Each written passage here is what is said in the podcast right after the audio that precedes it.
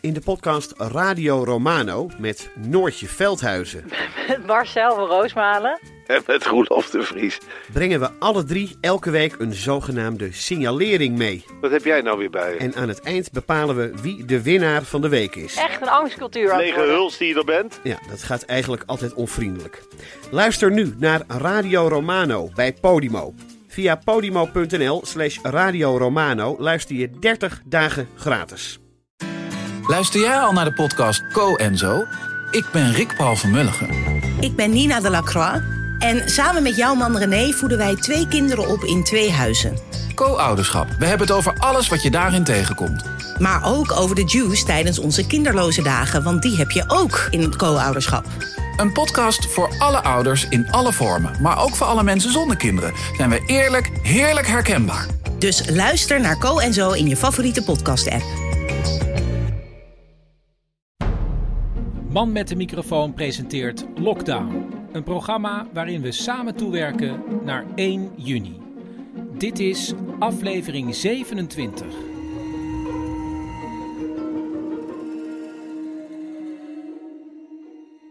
Paulien, je zit klaar met... de thermometer en de app van het OVG. Want in de persconferentie die we zojuist hebben gezien, werd er ook aan gerefereerd. Dat dus OLVG is het Onze Lieve Vrouwen Gasthuis. Maar in de persconferentie zeiden ze ook het OVG, als iedereen, alsof iedereen dat maar moet begrijpen.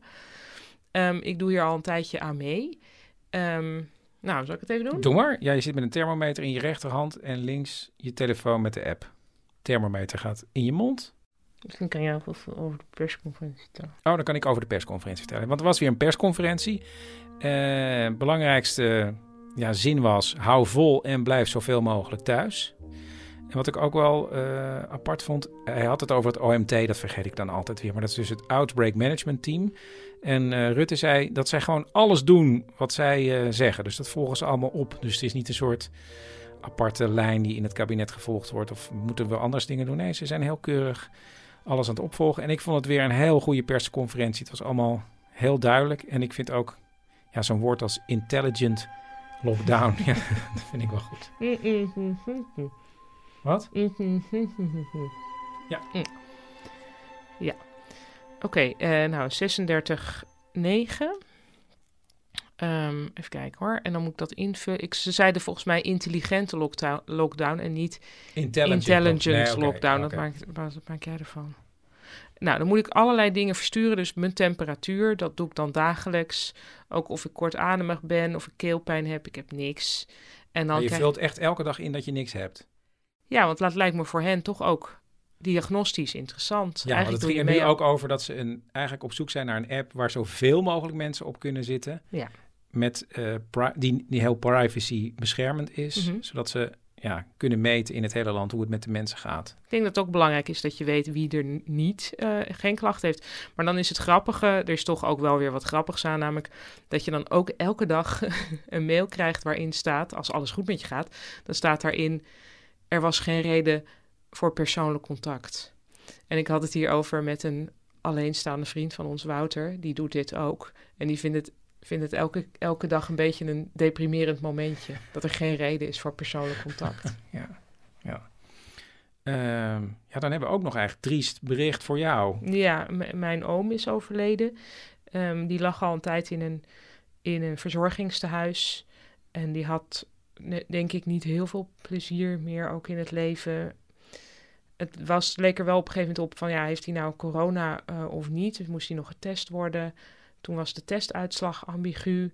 Maar mijn moeder, die dan voor hem moest zorgen eigenlijk, die moest er dan wel helemaal ingepakt bij zitten. En eh, uiteindelijk is nu toch duidelijk geworden dat hij geen corona had. Maar we hebben nu dus wel voor het eerst, ehm, we hebben nu wel voor het eerst in de familie, ehm, ja, dat je dus niet een begrafenis kunt doen. Nou had hij sowieso zijn lichaam ter beschikking van de wetenschap gesteld. Ehm, er worden kaartjes verstuurd, er wordt een advertentie geplaatst. Ehm, en zijn kamertje in het verzorgingstehuis is leeggehaald door mijn ouders. Of alleen mijn moeder mocht dan naar binnen, vanwege ook weer corona. En dat is het. Dus, dus ja, dat is eh, heel anders. Ik denk normaal gesproken is altijd als iemand overlijdt toch op, op een bepaalde manier heel veel gedoe. En dat heeft ook een functie. dat eh, van, hè, maar wie moet er dan, moet er dan plakken cake? Of moeten er broodjes? Dat Wie soort kwesties. En ja. wie doet de wat? En nou, dat is nu... En de hele eh, familie komt dan nog een keer bij elkaar. ja, je komt bij elkaar. Dat, nou, we hebben nu een e-mail eh, gestuurd met, de met de, de- ja, mijn nicht. Die heeft een, e- een lieve e- e-mail gestuurd met, met fijne herinneringen aan, aan ons oom. Maar dat is, het is wel gek. En er komt dus niet een, ja, er kan geen bijeenkomst worden geor- georganiseerd. Ik geloof dat het idee is, zoals alles, van maar als dit voorbij is, dan doen we nog eens een bijeenkomst. Eh, ja, gek, toch? Ja, heel gek. Maar ik ben wel, ja, nou ja, ik, ik ben, hij, is, hij is rustig gestorven en dat, dat vind ik in ieder geval fijn. Ehm, gaan we ook naar de dag van vandaag. Ehm, want wij hebben de dag in tweeën gedeeld. En vanochtend had ik eh, Wiek. En toen ben ik naar mijn ouders gegaan. Want mijn vader is op dit moment ziek. Heeft een blaasontsteking. Gaat niet heel goed. Dus ehm, ik probeer wel naar mijn ouders te gaan. Ik, maar mijn vader zie ik eigenlijk niet. Want ik ga niet het huis in. Ik ga in de tuin zitten. Met mijn moeder. Die zit dan eh, ver van mij af. En eh, ja, ik vind het gewoon fijn om haar te zien. En zij vindt het fijn om mij dan even met Wiek te zien. En dan ga ik voetballen met Wiek. En ehm, ik heb ook iets opgenomen eh, met Wiek. Hij had de rubriek Weet je van Wiek? Maar nu is het even vandaag geworden De Wereld van Wiek. De wereld van Wiek.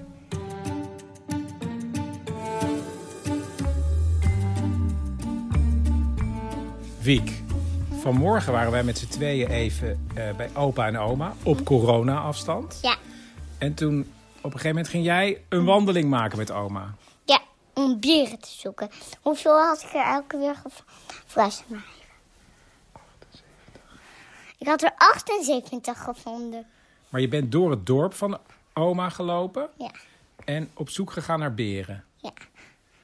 En waar waren die beren dan? Nou, eh, in huizen achter het raam. En hoe ging dat dan? Jij liep met oma en oma had iets bij zich? Een briefje waar, waar we op kunnen schrijven hoeveel het waren. En elke keer als jullie een beer achter de ramen zagen, Dan zeg ik, kijk daar is een buur. Of kijk daar is een. Maar soms zaten er wel vijf achter, of zes of zeven. En zelfs, een jongetje had zelfs 90 achter de ramen. 90 beren. Ja, Die had een hele verzameling. ja. Ehm, nou, dat was dus een ontzettend leuke wandeling. Ja. Dankjewel, Wiek.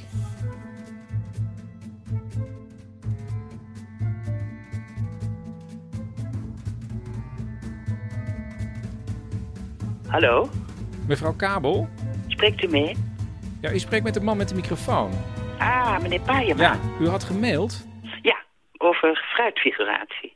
Ja, fruitfiguratie. dat moet u echt even uitleggen.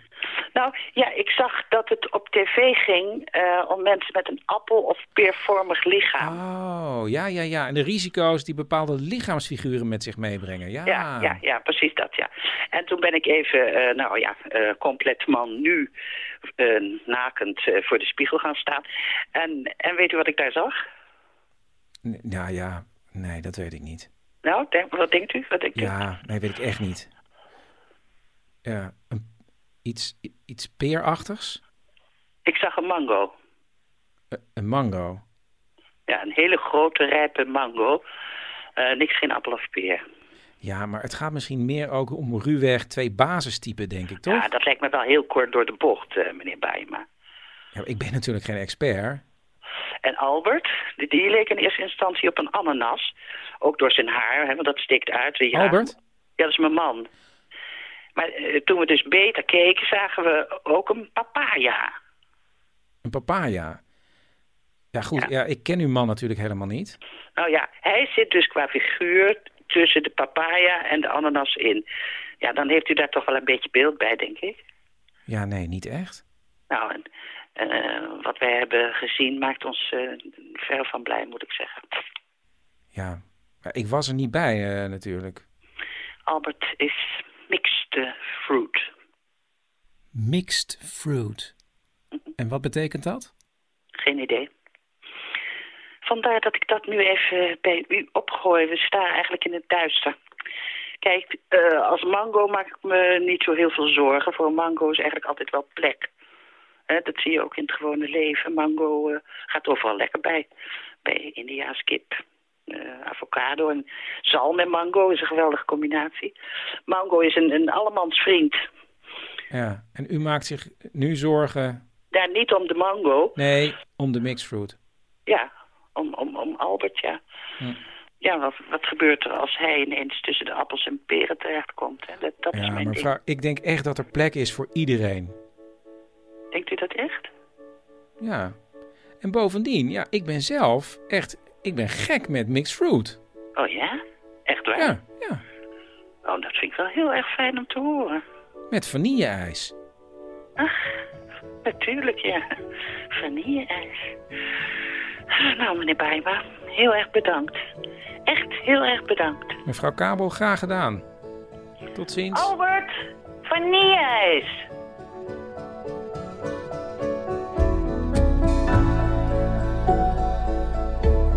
Dit was aflevering 27 en vandaag heeft meegespeeld als de mango Cecile Heuyer. Uh, morgen weer een lockdown verhaal van een van jullie. Uh, heb je zelf nou een lockdown verhaal? Ben je ooit ergens ingesloten geweest of opgesloten?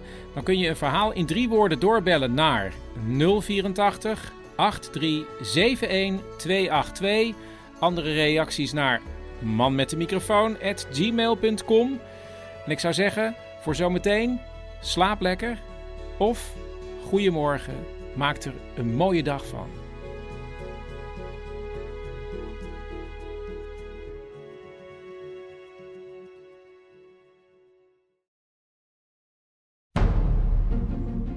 Man met de microfoon presenteert Lockdown. Een programma waarin we samen toewerken naar 1 juni. Dit is aflevering 28.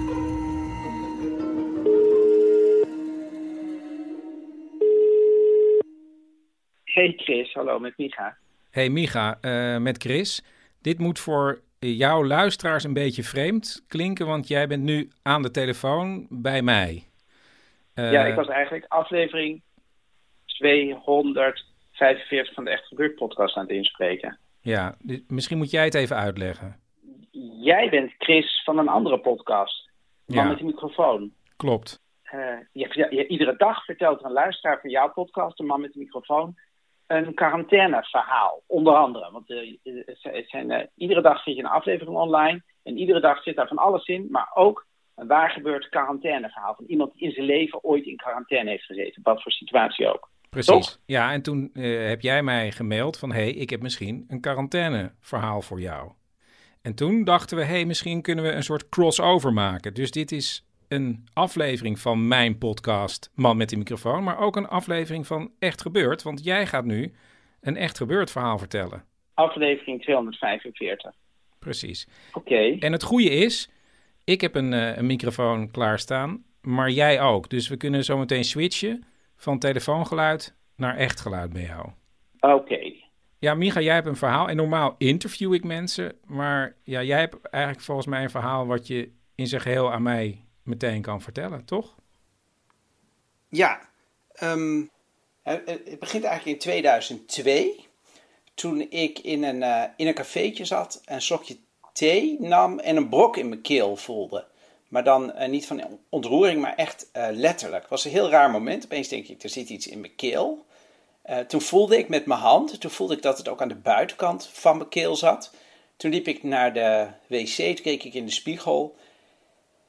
En toen schrok ik me wild, want ik zag dat er dus naast mijn ademsappel nog een soort, soort, soort bal zat. Dus toen, toen ben ik eigenlijk, ik heb op mijn gekeken, ik denk, ja, ik, ik ga nu meteen langs de huisarts. Ik, eh, ik dacht meteen, ja, dit, dit is helemaal niet goed. Ehm, en die huisarts, die, eh, die was eigenlijk al aan het afsluiten, maar die zag mij en die hoorde mij tegen die eh, assistenten zeggen van, ja, er zit iets in mijn keel. Die zei, nou, laat me even binnenkomen.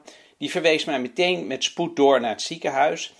Ehm, en dat, dat, was eigenlijk het allerengste gedeelte van het verhaal. Want al, vrij snel kwam ik bij eh, dokter Van der Poest, mijn, eh, eh, mijn internist. En dat was een hele aardige man. En die had al heel snel door, die zei van nou, er zit iets in je schildklier. En in het allerergste geval is dat kanker. Maar als het kanker is, dan is schildklierkanker van alle kankers misschien nog wel een van de best te behandelen vormen van kanker.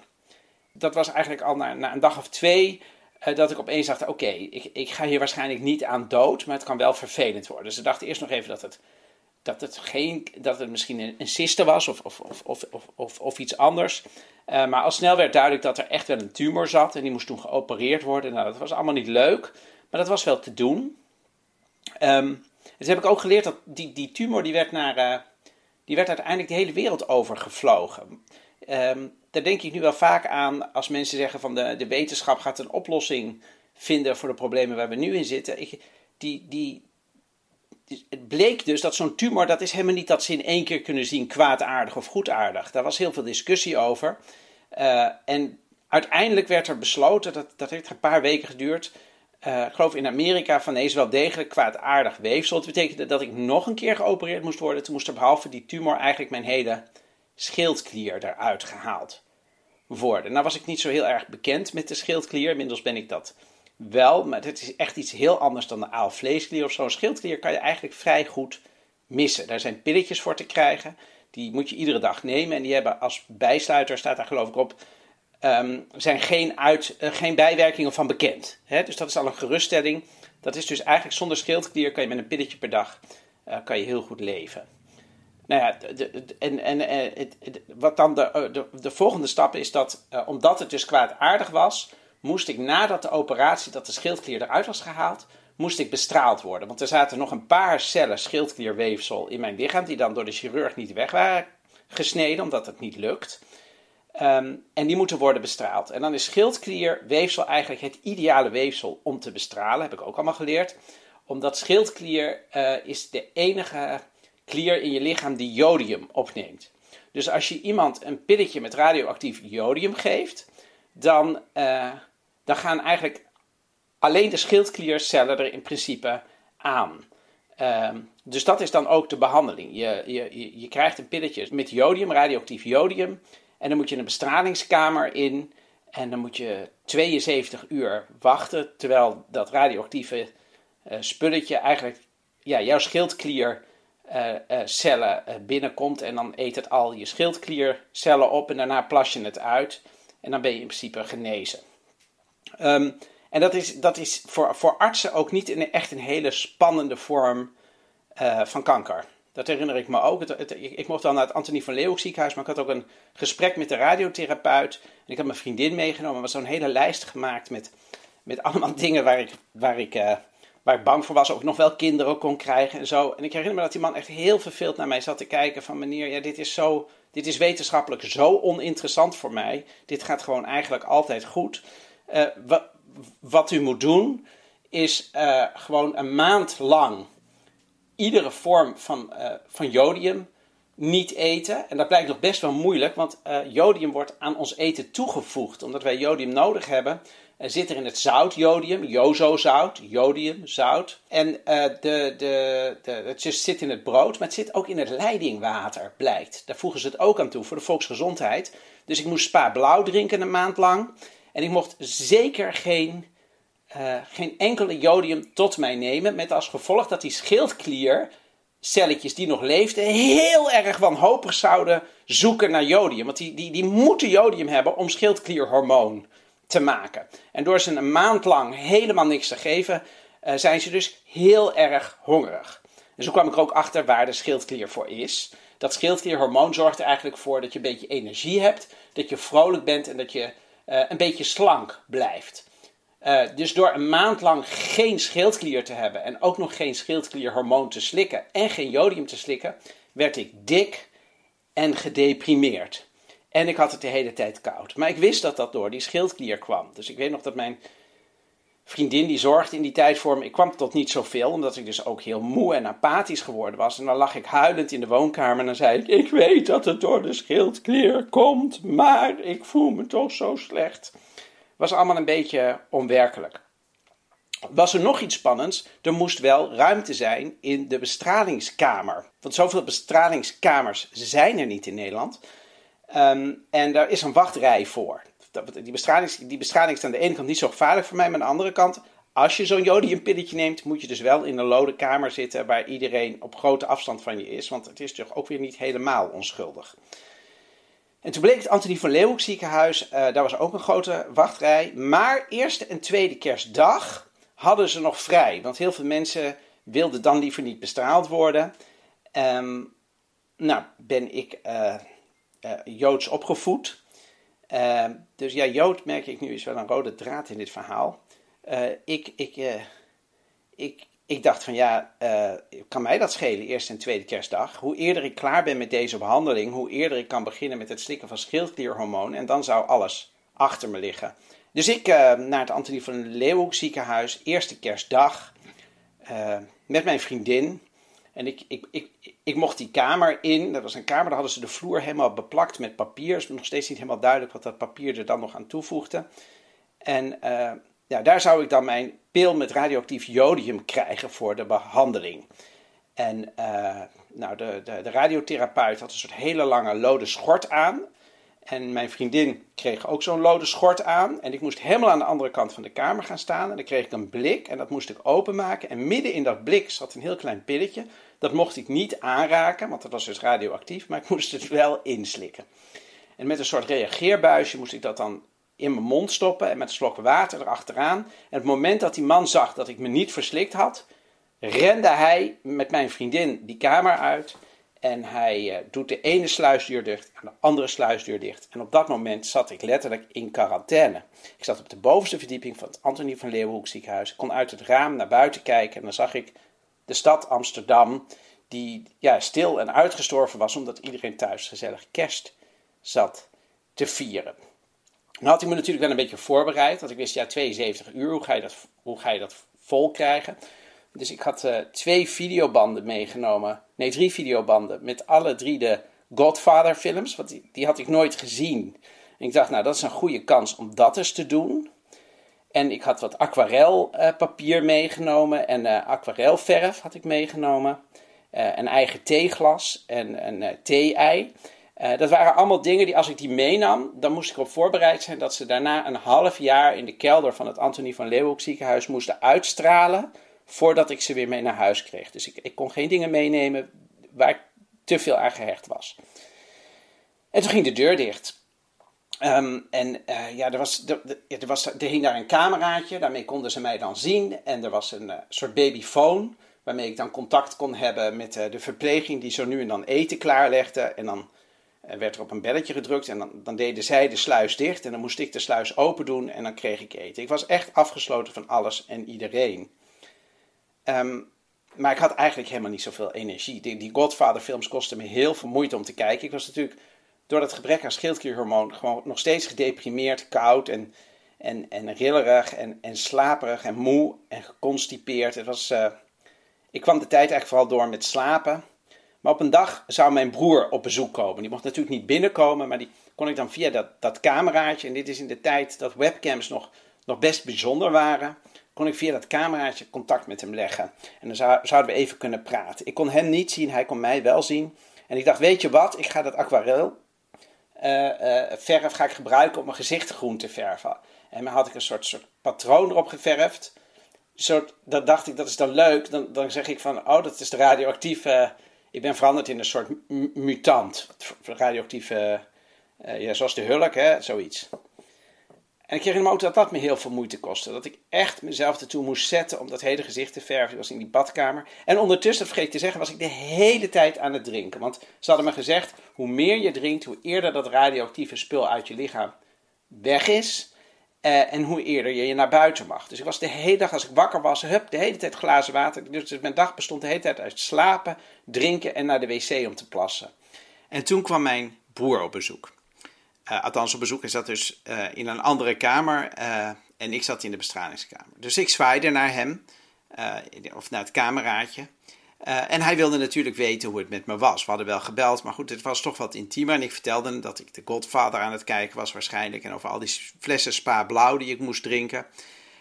Um, en ik, ik, heb hem waarschijnlijk toen ook verteld, ik had een uitnodiging gekregen in het Antonie van Leeuwenhoek ziekenhuis. was vanwege de kerst ook een soort kerstdienst.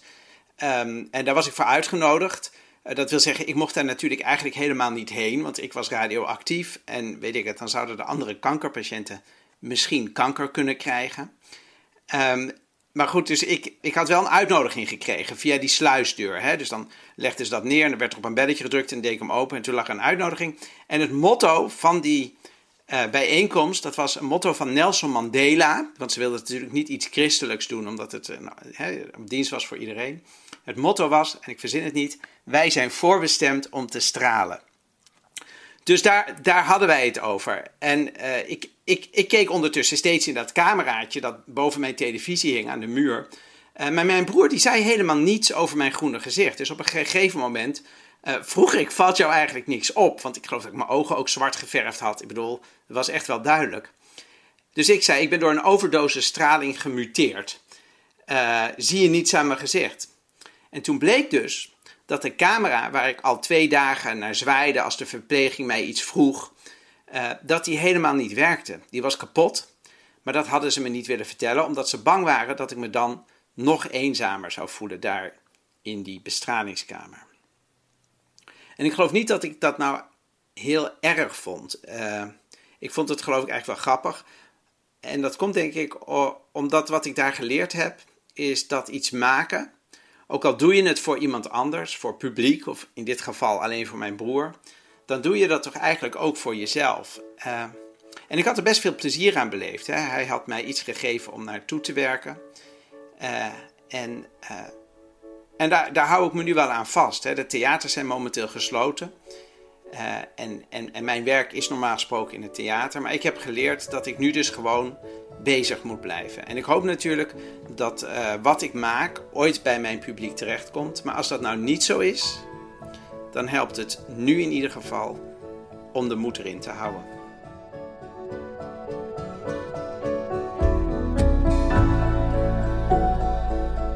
Dit was een speciale aflevering van Lockdown in samenwerking met Echt Gebeurd. En ja, als je mooie waargebeurde verhalen wilt horen verteld door de mensen die die verhalen ook zelf hebben meegemaakt, dan moet je je dus abonneren op Echt Gebeurd. En zoals je al hoorde, er zijn inmiddels al 245 afleveringen, dus je kunt heel veel verhalen tot je nemen. Uh, morgen ben ik er weer. Heb je zelf een lockdown verhaal, dan kun je bellen naar 084 83 71 282. Ik zou zeggen, slaap lekker of goedemorgen, maak er een mooie dag van.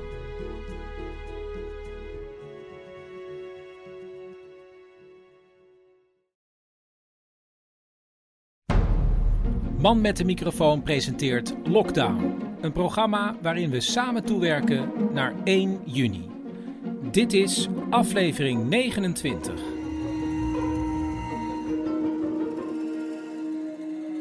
Ik heb even gebeld weer met mijn goede vriend Pieter van Driel. Die is uh, spoedeisende hulparts in het Elisabeth II Steden ziekenhuis in Tilburg. Waar heel veel coronapatiënten op de intensive care liggen. En um, ja, ik vroeg hem allereerst uh, ja, wat er sinds vorige week uh, gebeurd is. Uh, volgens mij heb ik vorige week verteld al dat ik naar de IC zou gaan. Ja. En dat is gebeurd. Ik ben de afgelopen week heb ik drie dagdiensten op de IC ingewerkt. Dus dan loop je mee met de intensivist en ja, doe je verder alles mee en ja, probeer je heel snel die afdeling te leren kennen, de gewoonten, de gebruiken, de, de systemen, nou, de, de meest inhoudelijke dingen ook. En, en wat viel je daarop?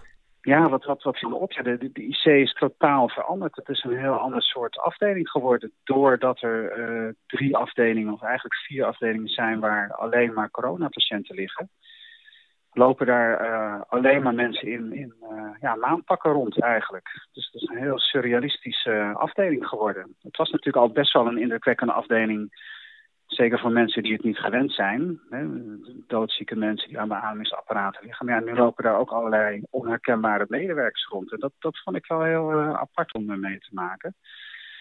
En zeker ook om onderdeel van uit te maken. Dus je moet ook echt, echt goed kijken van oké, wie, wie is die collega? Want die herken je niet door de masker wat ze op hebben. Dat, was ook heel raar.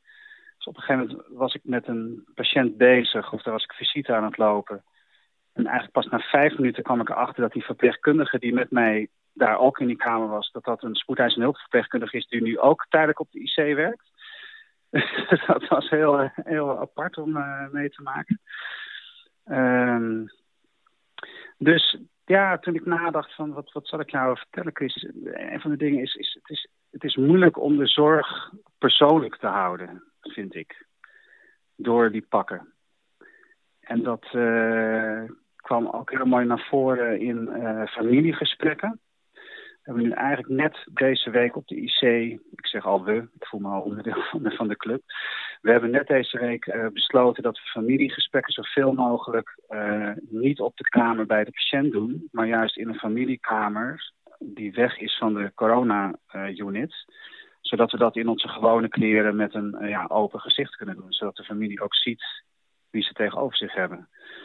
Want daar is uit het land en, en uit het ziekenhuis ook wel feedback op gekomen dat familieleden het heel persoonlijk en, moeilijk vinden om ja, hele precaire en moeilijke onderwerpen te bespreken met een zorgverlener die achter een masker verscholen gaat. Dus dan zit je met de familie en dan de patiënt ligt nog in de IC. Ja. Ja. En dan ja. lopen jullie naar een aparte kamer. Ja, precies. Want de patiënt die, die uh, maakt er toch niks van mee, want die ligt natuurlijk uh, in slaap aan een beademingstoestel. Maar er zijn patiënten die wel wakker zijn. Ja, daar bespreek je dingen natuurlijk liefst wel op de kamer met de patiënt.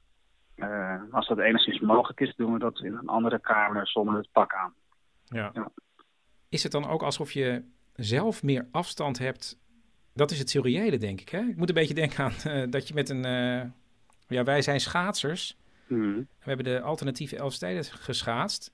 En toen hadden we zo'n enorm pak aan met een skibril en zo. En toen had ik het ook al dat, omdat we zo heel ingepakt zaten met een skibril, was het ook alsof ik soms een beetje, ja, wel keek naar de omgeving, maar er ook weer niet echt deel uit van maakte. Snap je wat ik bedoel? Ja, dat, dat, het, het, het heeft parallellen. Ik, ik had die uh, parallel zelf nog niet uh, bedacht toen ik op die idee rondliep, maar het is grappig dat je hem maakt. Uh, ja, je, je, je, neemt een soort afstand tot, tot je omgeving, omdat je zelf ingepakt bent. En uh, dat, dat is inderdaad wel lastig. Ik, ik ben zelf wel een, een dokter die ook uh, in, in het contact met patiënten of, of familieleden soms fysiek kan zijn, een hand op de schouder of, of, of zoiets kan, kan leggen als troost. Ja, dat, dat, dat doe je nu gewoon niet. Dus, dus die afstand is er sowieso al. En ehm, ja, je, je probeert soms ook uh, gelaatsuitdrukkingen te lezen hè? En, en bij emoties aan te sluiten door iets te zeggen of even stilte te nemen of, of ruimte voor emoties te laten. Ja, dat moet je nu wat meer aanvoelen en goed luisteren naar de stem, wat er, wat er gebeurt uh, achter die stem. En dat is, uh, dat is wel een aparte dimensie, ja. ja zeker. Ja. Maar wat ik, misschien nog wel interessant is om, om te vertellen, de, het is wel moeilijk voor de uh, moraal van het personeel om dat, goed te houden. Want er liggen hele zieke mensen op de IC nu. Uh, die coronapatiënten die moeten lang en uh, moeilijk beademd worden. Dat duurt echt wel twee of drie weken soms voordat iemand verbetert. En op het moment dat ze aan het verbeteren gaan, dus stabiliseren noemen wij dat dan, dan uh, worden ze uitgeplaatst op dit moment naar een ander ziekenhuis. Dus de relatief stabiele patiënten die gaan naar Duitsland, naar de andere regio's toe. Waardoor je als uh, IC-personeel voortdurend voor de meest zieke patiënten moet blijven zorgen. En, en, je dus niet de bevrediging ziet van iemand die het wel haalt, die wel van de ademing afkomt. Dus het is emotioneel best wel zwaar, hoor ik van de intensivisten terug. Om uh, ja, onder die omstandigheden voortdurend te blijven werken. Want eenmaal uit het oog, in, in Duitsland of in een van de noordelijke provincies, horen we niet zo makkelijk meer terug of het nou gelukt is. Of die man of vrouw van de ademing is gekomen. Ja, ja, ja. Dus, dus dat is moeilijk om, uh, om jezelf gemotiveerd uh, te houden. Uh, oh ja, ik had, ik had nog één vraag. Want in de allereerste keer dat we elkaar spraken, had je het er toen ook al over dat um, Saskia, die is, jouw vrouw, die is geestelijk verzorger. En dat die ook worden ingezet voor het, voor het personeel, omdat die het zo zwaar hebben. merk je daar iets van op dit moment? Uh, ja, zeker. Ja, dus er is veel aandacht voor. Er is inmiddels een onderverdeling gekomen dat de geestelijke zorgers voornamelijk de patiënten en, en hun familieleden begeleiden, in uh, geestelijke zin. En de meeste psychologen en de maatschappelijk werkers uh, vooral voor het personeel zijn. Dat is een onderverdeling die ze gemaakt hebben. Dus bij elke overdracht zit nu een medisch psycholoog. Dus er wordt ook nadat we de patiënt hebben besproken ook even een rondje gemaakt. Hoe zit je erbij? Heb je goed geslapen vannacht? Hoe gaat het? Daar is echt veel uh, aandacht voor. Ik denk ook dat dat wel echt, uh, echt goed is. Het is bekend uit dit soort uh, periodes, uit, uit andere landen en, en uit geschiedenis, dat, dat veel mensen toch wel met psychische problemen ja, eruit komen. Hè? Je maakt zoveel indrukwekkende dingen mee, indrukwekkende beelden, emoties, beslissingen die je moet nemen. Dus daar wordt, wordt volop ingezet en dat is wel, dat is wel heel goed. Ja. Um, je hebt nu even rust gehad, maar wanneer ga je weer terug naar de IC in het ziekenhuis? Ik ga vannacht uh, de eerste nachtdienst uh, draaien. Dus ik ben nu klaar met inwerken en ik ga dan, uh, ja, dus als een van de intensivisten daar rondlopen en patiënten proberen door de nacht te slepen. Wow. Ja. nou, veel sterkte daarmee, Pieter. Ja, we gaan ons best doen. Ik heb er wel zin in, maar ik vind het ook wel, wel spannend. En ja, het zijn spannende tijden voor ons allemaal. Ja, nou, ik spreek je waarschijnlijk volgende week dan weer. Uh, dat is uh, helemaal goed. Ik kijk ernaar uit. Ik uh, ben benieuwd wat ik dan allemaal meegemaakt heb.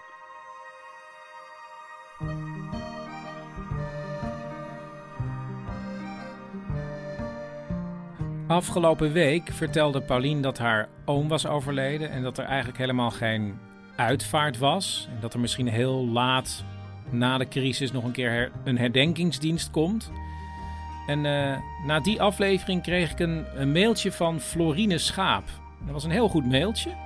Dus ik, uh, ik heb haar even teruggebeld. Ja, Florien, je reageerde. Uh, en, ja, ik sprak ook met Paulien over dat je dan normaal bitterballen aan het regelen bent voor een uitvaart en dergelijke dingen. Maar dat alles nu niet door kan gaan. En uh, toen had jij de behoefte om die mail te sturen. Ik hoorde het en ik zat al, want ik was aan het wandelen zeg maar, op straat. Dus ik was al zo bijna aan het uh, op, aan het reageren op uh, jullie. Terwijl dat had natuurlijk geen zin. Dus ik denk, ik moet gelijk een mail sturen. Want ja, ik ben uitvaartbegeleider en ik begeleid uitvaarten ook van mensen die ofwel aan corona zijn overleden of niet. Maar binnen de, uiteraard de restricties die het RIVM oplegt en die een beetje nou ja, die dus voor uh, uitvaarten dus to toestaan gestaan dat je met 30 mensen wel samen mag komen als de ruimte het toelaat om anderhalve meter bij elkaar vandaan uh, te zitten. 30 mensen? Ja, maar dat is dus een uitzondering voor uitvaartplechtigheden daarvoor hebben ze dus de uitzondering gemaakt. Maar als het een hele kleine. Kijk, als jij het in je woonkamer wil doen, dan mag het niet met die 30 mensen. Dus het is in crematoria toegestaan, um, omdat er ook een grote aula is, waar je dus die anderhalve meter kan uh, bewaken eigenlijk. Dus dat kan zeker. Um, ik heb gisteren prachtige uitvaart begeleid van uh, een mevrouw. En het was in een tuin wat uitkeek over een vijver en een bos. En zij zaten daar met z'n dertien omheen. En hebben twee uur lang herinneringen opgehaald. Uh, er was geen muziek, had ook nog zelfs gekund. Maar zij kozen ervoor dat niet te doen, omdat ze gewoon de, het geluid van de natuur voldoende vonden. Um, en hebben het zo aangepakt. Dus er is ook al überhaupt, zonder deze hele corona-tijd, uh, zou ik altijd uh, al aanraden om mooie plekken waar je, uh, en nu zeker in een intieme persoonlijke sfeer, afscheid kan nemen. Uh, overigens is er, um, wil ik ook nog even benoemen, je kan het wel in, die, in, een, uh, in een aula van een crematorium doen bijvoorbeeld. En daar is ook allemaal livestream mogelijk. Dus dan kunnen mensen het ook nog zien als je wel wil dat er op dat moment meer mensen meekijken. Dus zeg maar technologisch gebied is er ook van alles mogelijk. Dus dat kan allemaal. Um, wat wou ik nou nog zeggen? Nou, ik was wel benieuwd of je ook iemand hebt gehad die uh, aan corona is overleden. En zijn er nog bepaalde extra maatregelen? Moet je nog in pakken of meer afstand? Of? Nou, ja, het is, uh, ik heb dat wel meegemaakt. En wat vooral, kijk, die overleden, daar ben ik niet zo bang voor. Want die hoest niet meer in mijn gezicht of uh, in iemand anders gezicht. Hè. En die is ook, wat is nu is gebleken, dat die ook überhaupt dus niet meer zo besmettelijk is. En als je een overledene verzorgt, voor de mensen die de verzorging doen, dat doe ik zelf um, niet of, of minimaal. Maar de, die hebben sowieso hun handschoenen aan en bescherming als ze een overledene verzorgen. Um, Dus die is niet zo uh, spannend. Kijk, als mensen, als je aan corona bent overleden bent nog met, dat heb ik meegemaakt, dus dat die vrouw, zijn vrouw was nog bij hem in huis. Dus die is natuurlijk um, gevaarlijk in die zin. De kans is vrij groot dat zij dat draagt en over kan dragen. Maar je gaat niet tegen iemand zeggen: je kan geen afscheid nemen van je echtgenoot. Dat is gewoon, uh, dat kan niet. Ik bedoel, ik kan, ik, dat is gewoon uh, onmenselijk. Dus ik heb haar toch bij haar man gelaten. En toen hebben we in kleine kring, dus alleen haar, hè, hun kinderen en kleinkinderen hebben in een klein familiekamertje van het crematorium met elkaar nog afscheid genomen. En zij droeg dan een mondkapje en, uh, en bleef op, op, op gepaste afstand. Maar ze kon dus, ja, wat normaal dus gebeurt, is dat je elkaar echt ja, steun geeft, letterlijk door een arm om iemand heen te slaan. Ja, dat kan niet. Dat, was echt, dat is echt heel sip. Net als mensen die alleen moeten sterven. Dat, dat, zeg maar, dat uh, proces daaraan vooraf gaan. Die zoon ook van die man, die heeft hem ook al twee weken niet gezien. Omdat hij al in quarantaine was. Dat is, dat is veel verdrietiger, zeg maar. Want dan heb je ook nog echt een heel stuk afscheid wat je nooit over kan doen. Hè? Die herdenking, ja. ja dat kan allemaal nog wel een keer. Dat is prima, maar het is ja, zoiets als... Uh, ja, iemand fysiek nog bij leven, ja, dat, dat is gewoon um, onmogelijk. Dat is wel echt heel vrouw. Maar ik voel me ook af, zo'n zo, zo mevrouw die daar in haar eentje staat, is daar een soort truc voor te verzinnen? Waar, snap je, je kan niet een arm om iemand heen slaan, maar ja, wat is er dan mogelijk? Of moet het alleen maar met woorden gebeuren dan? Nou, um, ik zag, uh, dat was ook heel lief, dat kleinkinderen voor een oma, dat was dus niet voor haar, maar voor een, bij een andere familie zag ik dat, die hadden een, uh, een heel lief een kussen geknutseld met een kussensloop daaromheen, waarop stond: Lieve oma, omdat we niet mogen knuffelen, kun je. We hebben dit kussen helemaal geknuffeld of zoiets. En nu mag jij het knuffelen. dat Oh. is ja, vond ik ook heel zoet. Ja, goed. Maar dat, vind ik een eh, heel goed idee eigenlijk. Gewoon een ja. kussen. Want dan, kan je het nog, dan heb je nog iets om te omarmen ook. Ja. Ja, ja, dat is iets fysieker. Ja, dat is uh, prettig. Want het gaat ja, inderdaad, kijk, je kan alsnog. En uh, ik roep iedereen op dat altijd te doen. Als iemand is, uh, iemand is verloren en die heeft heel veel verdriet, dan werkt het altijd dat je langs gaat. En al mag je in die voortuin staan, je geeft toch die pansoep. Of je zegt, ga maar even in de tuin staan. Ik, ik, ik doe even je afwas. Echt maar al die dingen, die helpen altijd. En die dat je nu zeg maar achteraf niet meer het, het rijtje langs kan condole condoleren. Dat is het gemis niet. Want het gaat altijd om die periode daarna om mensen te, te ondersteunen. ondersteunen. Ja, en dat is hem uh, in, de, heel, in heel praktische zin werken heel veel dingen vaak, zeg maar. Dus dan ja, bij het gebrek aan knuffelen mag, moet je maar nog meer soep in de voortuin zetten. Of uh, kussens brengen of dat soort dingen. Uh, dat werkt altijd. En dan, ja, zeg maar dat je elkaar fysiek niet kan knuffelen. Daar kan niemand dan even iets aan veranderen. Ja, nee, ik vind dat een hele goede tip. Dus ook vooral daarna nog er zijn op momenten en je laten zien eigenlijk. Het, ja. ja, en je hoeft niet te zeggen het gaat wel over, want dat is niet belangrijk. Het is gewoon, ga gewoon naast iemand zitten. Of nou ja, hou dan die anderhalve meter afstand. En laat diegene lekker vertellen over wat hij kwijt wil. Of ga samen even zitten zwijgen. Dat is het um, belangrijkste om iemand steun te geven. En uh, het, in dat hele rouwproces, die, die, al die arbeid, dat diegene uh, moet verrichten. Om, dat, om daarbij uh, steun te krijgen. Ja, dat is belangrijker dan hoeveel bitterballen er uitgezocht moeten worden, omdat dat nu even niet kan.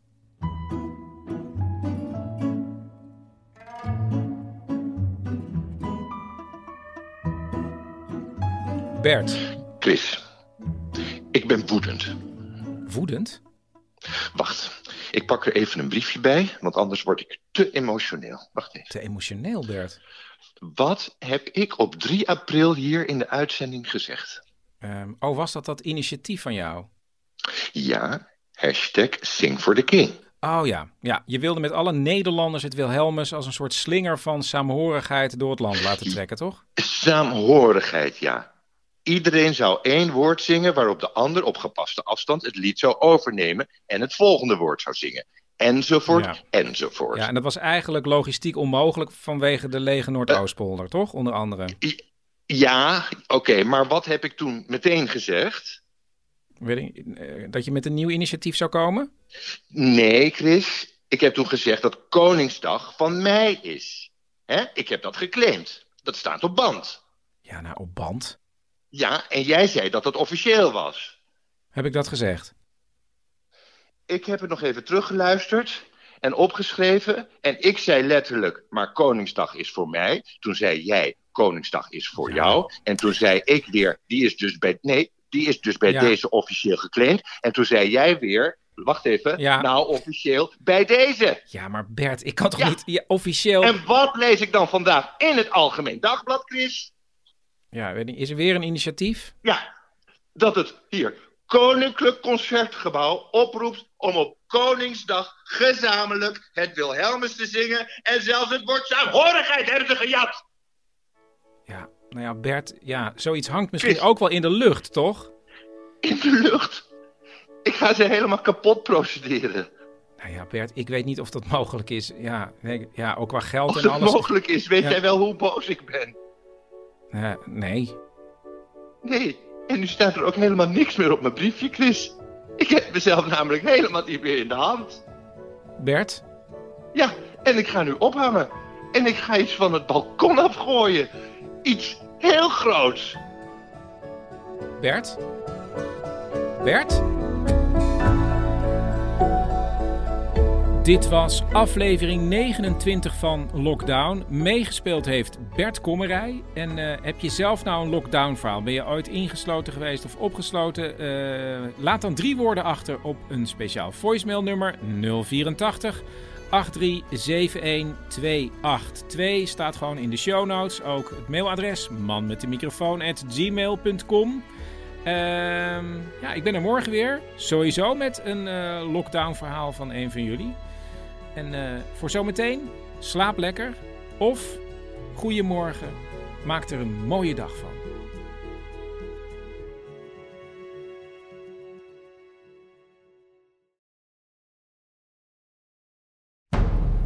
Man met de microfoon presenteert Lockdown. Een programma waarin we samen toewerken naar 1 juni.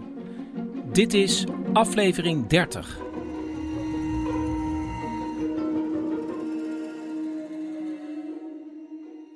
Oké, eh, wat mij betreft zijn we weer compleet. Het is vrijdag, de puberzoons zijn er weer. En het viel me op, jongens, toen jullie binnenkwamen, want jullie zijn nu een paar uur thuis, dat jullie veel relaxter zijn dan vorige week. Ja. Want? Dat zou kunnen, ik weet niet. Er waren vorige week, zouden er volgende week toetsen zijn. Maar die zijn niet doorgegaan. Dus dat is iets minder stress. Dat is wel fijn. En verder, ik weet niet. Wordt alles een beetje uitgesteld nu op school? Ja. Maar heb je nog wel iets voor na het weekend? Een presentatie voor Engels. Waarover? SpaceX. Mocht je dat zelf verzinnen? Ja, iets met... Het moest iets zijn wat iets te maken had met Engeland of Amerika. Dan ga je dus die... Elon Musk? Dat is van Elon Musk, van de man van Tesla die ook de ruimte in wil. Teun, jij ziet er ook relaxer uit. Ja. Vorige week miste je je vrienden, heel erg. Ja, nu nog steeds. Ja, ik, ik mis ze nog steeds. Ik, ik spreek ze wel, maar ik zie ze niet. Maar kan raak je eraan? Ik moet even over die extensie van Netflix vragen. Oh, Eh, extensie van Netflix. Ehm, ja, ik was met Liam net een film aan het kijken. Leg uit. Ehm, nou, er is dus op Chrome heb je een extensie dat je samen een film kan kijken. Want eerst waren we aan het aftellen. Zo van 3, 2, 1. En dan moet je hem aanzetten.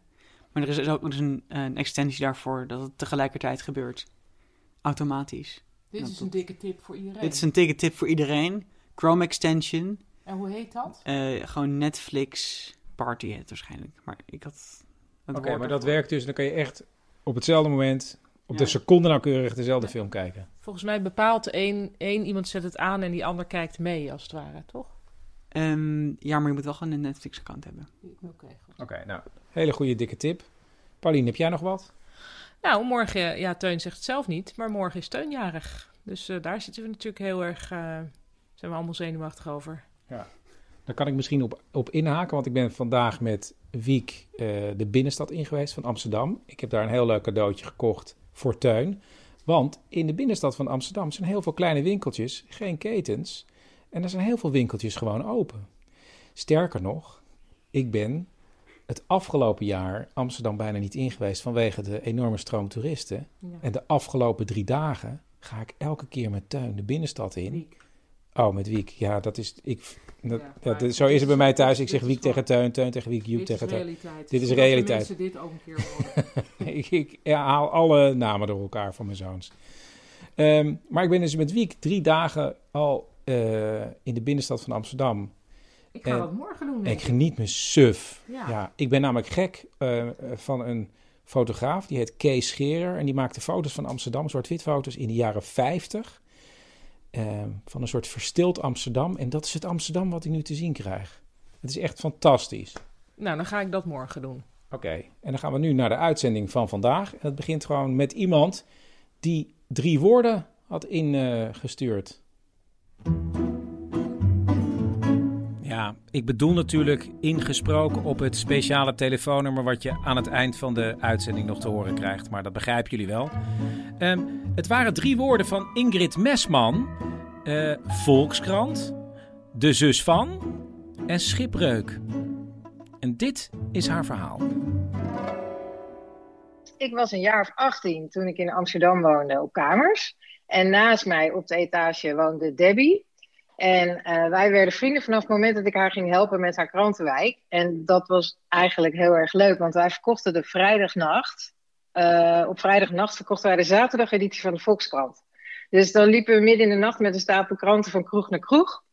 En dat werd natuurlijk elke vrijdagavond feestje eh, als we klaar waren. Maar zo werden wij dus wel echt vrienden. En in die zomer ehm, besloten wij om naar Griekenland te gaan. Waar haar zus en een vriendin beland waren. Dus op een goede zomerse dag pakken Ingrid en Debbie hun tas en gaan op weg. En eh, Debbie had nog voordat wij uit Nederland vertrokken contact met haar gehad. Ehm, en in die tijd hadden we natuurlijk geen mobiel, want dat is echt way back. Dus, eh, dus wij gingen eerst nog een beetje rondliften en dan zouden we op de boot stappen richting Samos, waar we dan op de afgesproken dag elkaar eh, zouden ontmoeten in de haven. Ze reizen naar Griekenland, liften daar nog wat rond en stappen op een dag op een eilandhopper in de richting van Samos. Weet je wel, je kent ze wel met die, al die auto's en vrachtwagens onderin en bovenin helemaal bomvol toeristen. Maar dat was eigenlijk super gezellig. Het weer was te gek en er waren ook heel veel leuke jongens. Dat was voor ons natuurlijk heel belangrijk in die tijd. En die hadden allemaal fijne muziek mee en drank. En zo gingen we dus naar dat eerste eilandje Lesbos.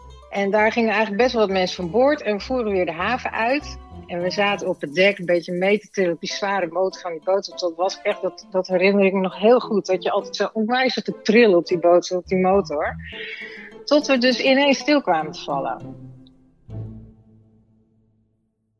Natuurlijk werden meteen grapjes gemaakt van ah, verder roeien en hoe ver zwemmen nog naar de kust, weet je wel, dat soort dingen. Waren Ja. jullie toen al eigenlijk ver van het eiland? Nou, best wel ver. Nou, te ver om te zwemmen. Want daar werden natuurlijk wel grapjes over gemaakt. Maar dat was wel, het was eng ver, ja. En eh, dus, dus wij kwamen daar ineens, ineens soort stil te liggen. Dus op een gegeven moment komt die kapitein over de intercom.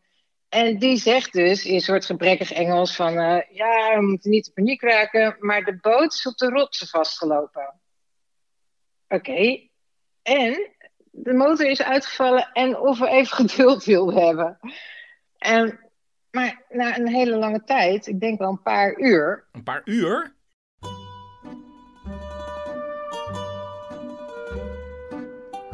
Ja, een paar uur hebben we daar stilgelegen. En, maar dat, toen was het nog wel gezellig, want iedereen had zoiets nou ja, weet je, zit hier, ja, komt toch. Ja, ja ik weet niet, was helemaal geen, geen gedoe onder de mensen, was prima sfeertje.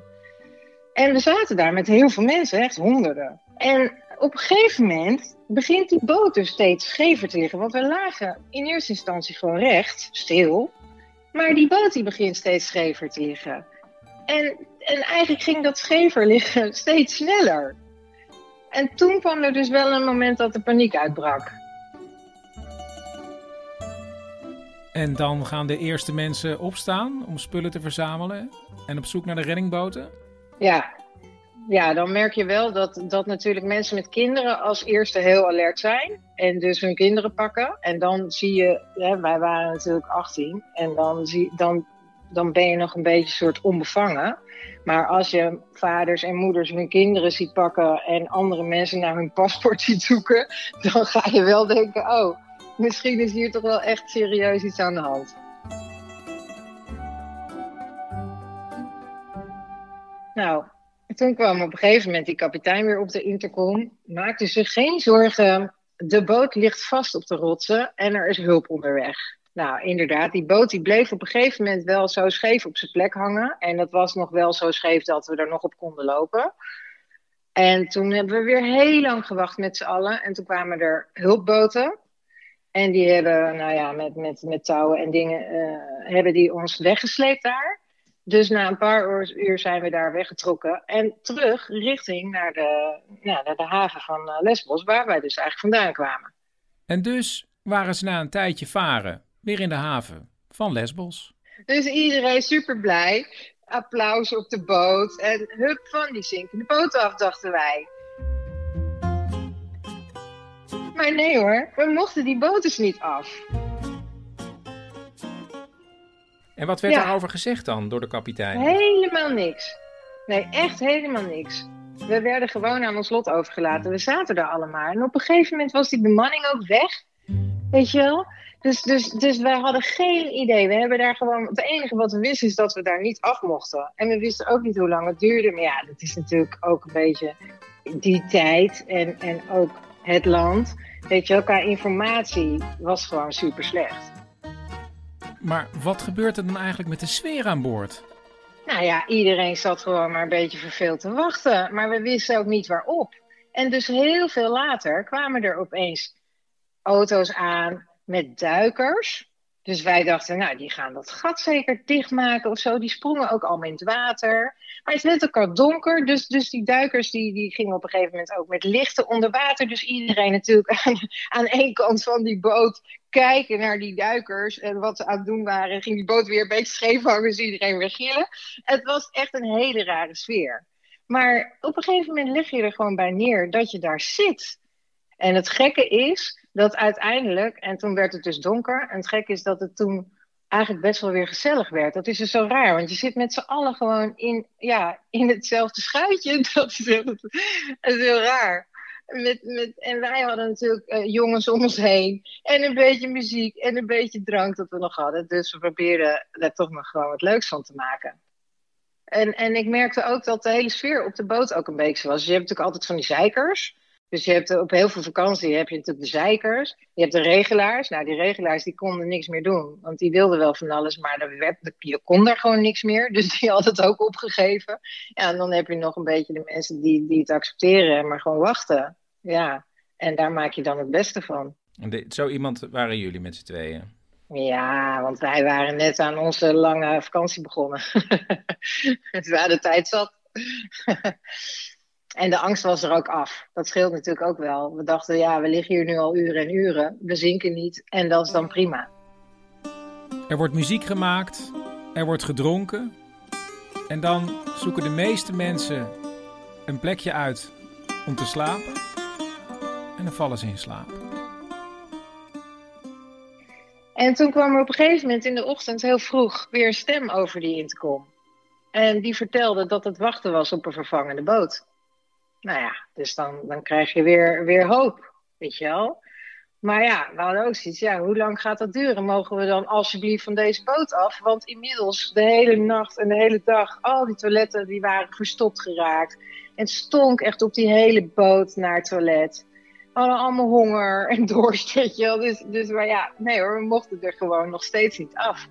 En pas weer aan het einde van de dag, Nee. ja, uiteindelijk zien wij dus weer een boot aankomen, een lege boot. En dat was onze boot. Dus wij mochten, goddank, overstappen en van boord. En dat is nog niet eens het einde van het verhaal. Want ze stappen dus op die nieuw aangekomen lege boot en ze reizen verder. Ja, uiteindelijk zijn wij naar Samos gevaren. Helemaal blij. En wij vonden natuurlijk dat we best wel een heel goed verhaal hadden. Waarom we een beetje, nou ja, dat was dus inmiddels twee dagen later waren. Eh, maar ja, in die haven van Samos natuurlijk geen zus. Want wij hadden het twee dagen geleden afgesproken. Dus bij al die restaurantjes en bars in om te vragen naar een briefje of iets wat misschien voor ons achter was gelaten door nou, twee eh, blonde Nederlandse meisjes. Maar er was gewoon helemaal niks. Dus wij hebben daar maar weer gewoon zitten wachten. En eh, nou, eindelijk, na een paar uur, komen Debbie de zus en haar vriendin, dus brullend van het huilen, en wij schrokken ons echt kapot, naar ons toegerend. Van, Jezus, jullie leven nog. Wat is er gebeurd? We dachten dat jullie dood waren. Dus wij zeiden, hè? Maar hoezo? Nou, wat bleek nou?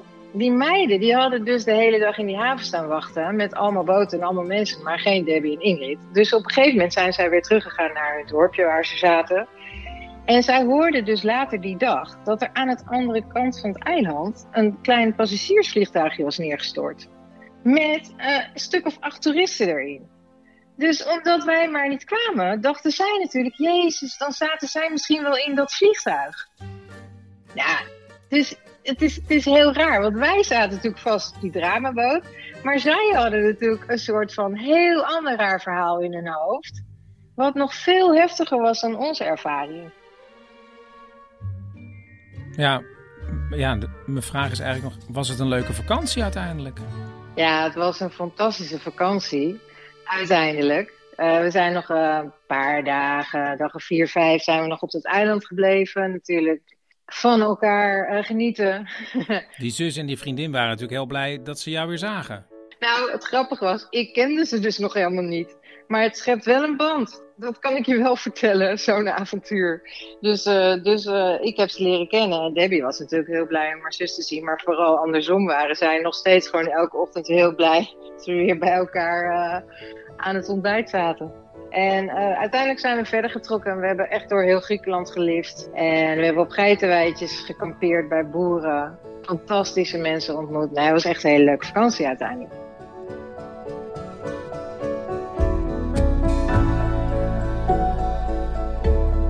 Dit was aflevering 30 van Lockdown. Uh, ja, ik ben nog steeds op zoek hoor naar lockdown verhalen. Dus kom erop met je eigen drie woorden.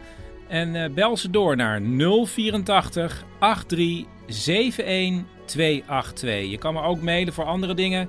Man met de microfoon at gmail.com. En uh, ja, laat sterretjes achter in de iTunes Store, want dat helpt echt. En ja, slaap lekker. Of goeiemorgen. Maak er een mooie dag van.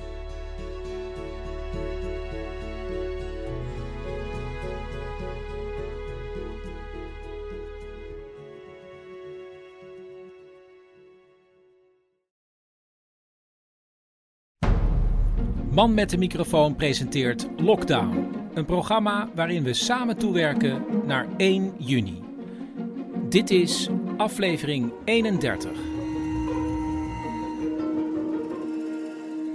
Lang zal die leven, lang zal die leven, lang zal Vandaag werd Teun 16. Nou, dat was hoe de dag begon, Teun. Ja. En wat heb je gekregen? Um, noedel, noedelsoepjes en... Nou, wacht even, jij moet even gezegd worden, want jij eet eigenlijk altijd noedelsoeps. Ja. En nu heb ik echt gewoon hoogwaardige noedelsoep gekocht voor jou bij de Aziat. Ja. En ik heb al eentje opgegeten. Ja. En ik heb een, een manga gekregen. One Piece. De manga. ja. Oké. Okay. Um, heeft iemand anders nog wat? Joep, heb jij nog iets voor vandaag? Ik zag mensen in mijn klas voetballen in het park. Op afstand. Dus dat was wel goed. Heb je hallo gezegd? Ja. Was dat een warm moment? We hebben naast gevoetbald met wie? Ja. Het waren niet echt mensen met wie ik heel erg connect. Dus gewoon even hallo. Oké. Okay. Luisteren. Ik vond het best wel druk. Ik was uh, even een eentje gaan fietsen en wandelen met Wiek. Ik vond, ja, ik was speciaal naar een beetje afgelegen parkje gegaan en daar ging het wel. Maar er waren heel veel mensen ook op de fiets. Waarvan ik dacht, ja, kijk, op de fiets is het ook anderhalve meter. Ja, maar grappig. Voordat we dit uh, recordertje aandeden, zei je dat ik niet mocht klagen. Want ik wilde ja. weer gaan klagen. Ik dacht, laat ik het dan nu maar doen. Oh, nou fijn. Ja, ik snap niet. Ik bedoel, dat is toch ook anders. Dat, waarom En ook, nou ja, nee, laat me niet in detail treden. Maar er was ook iemand die me echt heel erg rakelings langs mij heen kwam. Terwijl ik dacht, jij bent hier de kwetsbare. Meer wil je er niet over zeggen? Meer wil ik er niet over zeggen. Oké, nou dan gaan we nu volgens mij meteen beginnen met een weetje van Wiek. Want Wiek gaat uitleggen uh, waarom de dino's zijn uitgestorven. Actueel. Een weetje van Wiek. Moet je even hier naartoe komen, want die moet het hier inspreken. Oké. Ik ga vandaag eens opnemen over dino's. Nou, nu ga ik alleen even een stukje over de knal, waardoor ze dood gingen. De vuurbal. Is eigenlijk een soort steen die verbrand was. Maar die dino's gingen daar dus van dood. Maar hoe kwam die dan? Kwam die, waar kwam die dan vandaan? Dat weet niemand dus. En wat was het precies? Dat steen, een verbrande steen. Er kwam een grote ja. vuurbal op de aarde ja, terecht. En vliegende gingen denk ik ook dood. En ik denk ook, en ik denk ook gewoon die gewoon op de begane grond lopen. Maar toen gingen daarna kwamen er apen en zo zijn de mensen dan ontstaan.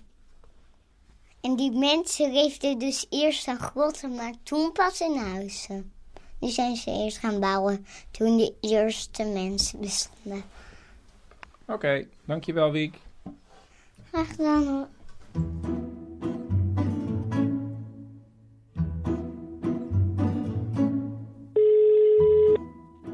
Dag Chris. Dag Sabine. Goedemorgen. Goedemorgen. Ja, ik ken Sabine nu ongeveer een jaar via Gentse vrienden. En ze is twee keer bij ons komen logeren. Dan kon ze Amsterdam ontdekken. En ehm, ze zei, ik heb misschien een verhaal voor je. Dat heb ik opgenomen. Krijg je zo te horen. Maar ik was ook al benieuwd naar het verschil op dit moment in aanpak tussen België en Nederland wat corona betreft. En daar had ze wel een goed klein voorbeeld van. Over wat niet mag. Ja, ja, de politie spreekt de hele tijd mensen aan. Die gaan mensen ook uit het park. Dus uh, schuin tegenover uh, waar ik woon is er ook een park. En uh, daar was al heel snel mensen die gewoon stonden te badmintonnen. Dus, dus echt met, met voldoende afstand, dat mocht niet. Dat voetballen niet kan, dat begrijp ik. Hè. Dan kom je ook op bepaalde momenten veel te dicht bij elkaar. Maar dus kinderen werden gewoon naar huis gestuurd. Er mocht niet gespeeld worden, dus je moet bewegen. Op de banken in het park hangen bordjes. Uh, uh, we gaan er niet uh, bij zitten. Um, dus iedereen moet gewoon blijven bewegen. Je mag niet blijven stilstaan in principe. Dus in tegenstelling tot onze parken, waar iedereen in het zonnetje aan het liggen was, is iedereen daar aan het bewegen. Maar goed, nu het verhaal van Sabine.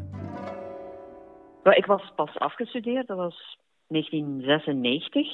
En ik had niet meteen een vaste baan. En dan ben ik daarom maar uh, interimwerk gaan doen. En zo heb ik een paar weken gewerkt als merchandiser voor brouwerij Palm. En dan moest ik elke dag zo'n 15 tot 20 cafés bezoeken om daar ja, reclamemateriaal uit te stallen. Dat waren biervultjes, raamstickers, uh, glazen, zo van die handdoekjes voor op de bar en ook van die geplooide kartonnetjes die ik op uh, de tafel moest zetten. Daar stond dan iets op in de trant van... Um, weet je niet wat je wil drinken? Lees wat hier staat luid op als je over de bestelling komt opnemen. Voor mij een palm graag. Hè? Maar dan net iets scherper geformuleerd en door een professionele copywriter. En uh, wij deden dat eigenlijk met een hele groep jonge jongens en meisjes. Dus sommigen deden dat als vakantiewerk, anderen zoals ik als uh, interimwerk. En s ochtends moesten wij naar het depot. Uh, we hadden allemaal een caddy gekregen, dus een bestelwagentje van Palm. En daar moesten we pakketjes opladen, hè, waar al dat materiaal in zat. En er waren twee verschillende types pakketjes. Eén voor cafés die palm uh, op het vat verkochten, dus uh, aan de tap. En een ander voor waar het in flesjes verkocht werd. Hè, omdat het, de teksten erop waren anders. Hè. Op dat ene kartonnetje stond dan van uh, bestel een palm van het vat, want dat is het lekkerste wat er is. En voor de cafés waar ze in flesjes verkochten, stond er dan op dat kartonnetje bestel een palm uit het flesje, want dat is het lekkerste wat er is. Um, en we kregen ook elke ochtend onze fiches. Uh, en daarop stonden dan die 15 tot 20 cafés die we moesten bezoeken. En het was ook de bedoeling dat we controleerden van, ja, wordt daar wel degelijk uh, van het vat of van flesjes verkocht, of is het al veranderd? Is het telefoonnummer correct en zo? En ik moest een driehoek doen ergens tussen Oostende en Blankenberge en Brugge. Uh, en op dag drie um, parkeer ik ergens en ik zie dat het een heel bijzonder café was. Het was een, een soort bikercafé, maar het leek meer een, een clublokaal dan een echt café. Dus de, de vensters waren heel klein. Er was een houten deur, dus niet echt uh, inkijk. En ik had er eigenlijk niet zo'n goed gevoel bij. Maar ja, ik keek op mijn fiche, daar stond dat ze palm verkochten van het vat. Dus ik dacht van ja, dat is echt wel een café met veel volk. Het is hier een dorp, dus misschien is het enige wat er is. En is dat zoiets, een geïmproviseerd huiskamercafé of zo. Dus ik neem dat pakket, uh, het juiste pakket, en uh, ik ga naar binnen. En ik voelde al, uh, dit is niet oké. Um, er stond één man achter de bar en twee mannen zaten aan de bar op een barkruk. En die kijken mij aan. Uh, dat was wel niet zo vreemd, hè, want uh, ik was al vaker hè, in dorpen daar cafés gaan bezoeken. En in de stad kijkt niemand je aan, omdat dan de hele tijd vreemdelingen binnenkomen. En in een dorp, van zodra dat er iemand binnenkomt die ze niet kennen, gaat iedereen gewoon ja, beginnen staren. Maar dit was wel een ander type gestaar. En ik werd zenuwachtig. En als ik zenuwachtig ben, dan begin ik gewoon heel veel en snel te praten. Dus ik ga naar de bar, ik zet dat pakket daar op de bar, ik begin die uitleg te doen en uh, ik begin ook dingen uit te stallen. Um, en die drie mannen die blijven mij aanstaren. En ik denk, ik, ik moet hier weg. Hè. Er van alles door je hoofd en door je buik. En een buik die zei van je moet hier weg. En uh, mijn hoofd zei, nee ja, uh, dit, dit café is vorig jaar ook gecontroleerd, want ze deden die actie elk jaar. Dus het is hier, hier uh, geen probleem, dit moet wel veilig zijn. En toen zag ik achter de bar een vlag hangen van uh, de Hells Angels. dus het waren niet zomaar bikers. En ik zag ook dat er geen tap was. Er stonden gewoon een paar bakken bier op de grond. En toen zag ik mijn kans. Ik dacht van, ik heb hier het verkeerde pakket mee. Ik ga zeggen dat ik het verkeerde pakket mee heb, dat ik het ander pakket moet gaan halen. En ik ga gewoon niet meer terug naar binnen komen. Ik ga gewoon weggieren uh, met scheurende banden. Uh, dus ik laat alles terug in mijn pak. Ik ga naar buiten. Maar die baarman, die, die gaat gewoon mee. Uh, en die komt mee tot aan mijn koffer. Dus ik wil mijn spullen er gewoon in doen. Maar die zegt ze van, ja, ik zal je helpen. En die pakt gewoon die andere pak mee. En die blijft gewoon naast mij lopen. Dus ik, ja, ik wist, er zit geen... Ja, ik, ik had geen andere optie dan terug mee naar binnen gaan. Uh, want ze waren nog met drieën. Dus ik dacht, als ik terug in de wagen stap, die sleurt er mij gewoon uit. Dus ik, ik, ik voelde me echt helemaal niet goed. Maar ik ga toch terug mee naar binnen. Ik stap naar de bar en die man die meegegaan was naar buiten, doet de deur achter mij dicht. En ik hoor achter mij tjak.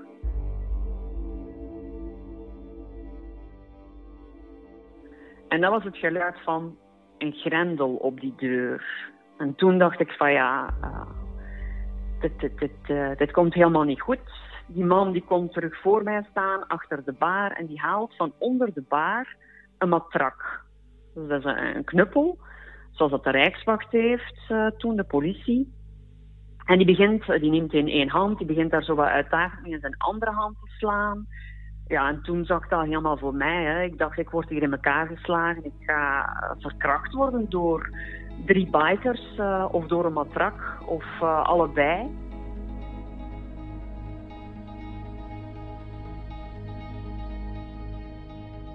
Ja, toen gebeurde er iets heel raar. Uh, ik zag dat die ene man die op een baarkruk zat, heel, heel, heel, heel miniem met zijn hoofd van nee schudde. En toen stopte die baarman.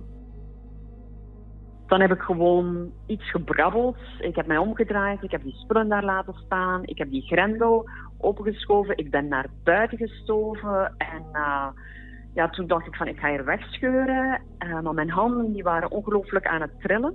Dus ik heb echt ongelooflijk gestunteld om mijn deuren open te krijgen. Ik ben dan uh, in de wagen gaan zitten. Ik kreeg die sleutel nauwelijks in het contact.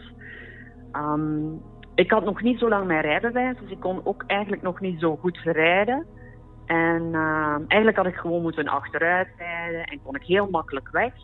Maar ik heb daar waarschijnlijk nog vier, vijf keer achteruit, vooruit, achteruit, vooruit. Uh, ontzettend veel te veel manoeuvres gedaan. En dan ben ik gewoon uh, ja, compleet knullig weggereden. Helemaal niet meer hier in de banden.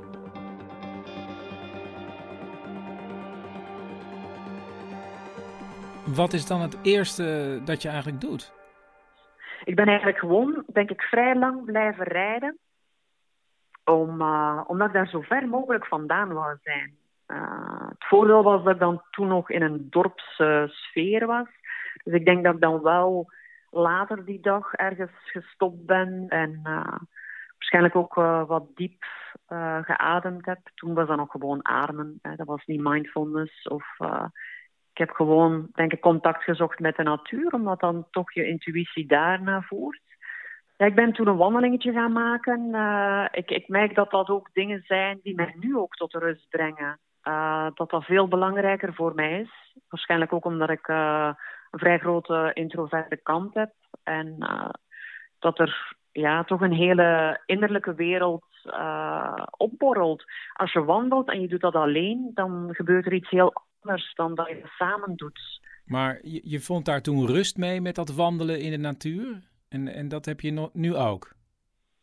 Ja, ik, ga, ik maak elke dag een wandeling langs de Schelde. En dat is hier gewoon vlak om de hoek. En dat is nog een heel authentiek stuk uh, natuur. Um, ja, daar, daar is echt eb en vloed met slip en uh, veel vogels, uh, boven daar rond. En daar lopen veel mensen per twee. En als die, als die dan langs mij lopen, dan hoor ik dat die gewoon de hele tijd over corona bezig zijn. En ik vind het net fijn om daar helemaal alleen te lopen. Dus ik heb geen wandelbuddy. En uh, ja, dat doet mij net goed. Omdat je dan net uh, ja, je blik op ver, je fantasie wordt aangesproken. Je krijgt uh, leuke ideeën. ja, je kan eigenlijk overal naartoe. Dus ik loop nu al een maand elke dag daar langs. Maar in mijn hoofd ben ik al overal naartoe geweest. Um, en, en ja, het is een beetje zoals een boek lezen. Hè? Je bent in een andere wereld en je kiest zelf in welke wereld je bent. En dat is, dat is ook heel verrijkend. Dus voor mij is dat echt uh, uh, hetgeen uh, waar ik energie uit put nu. en dat, dat helpt mij echt door de rest van de dag. Dus dan vind ik het eigenlijk niet zo erg om de rest van de dag binnen te zitten in een appartement en niet meer buiten te kunnen. -hmm. Ik vraag me nog wel af, ik vind het zo raar dat die brouwer Palm jou daarheen heeft gestuurd uit. Hoe is dat verhaal afgelopen? Um, ik was daar gewoon in een heel fout café terechtgekomen. Uh, later, uh, ik heb dat dan, ik ben thuisgekomen. Het was nog maar de begintijd van het internet. Um, maar ik heb het dan, oh ja, dat was echt nog met een modem die piept en kraakt. Maar ik heb het dan toch opgezocht in een uh, internetcafé toen. En toen zag ik van dat, dat, ja, dat de politie daar dus wel, oh ja, was binnengevallen en daar wapens gevonden had. Uh, daarnaast heb ik dan natuurlijk ook gezegd aan de mensen van Palm van ja, wat er gebeurd was.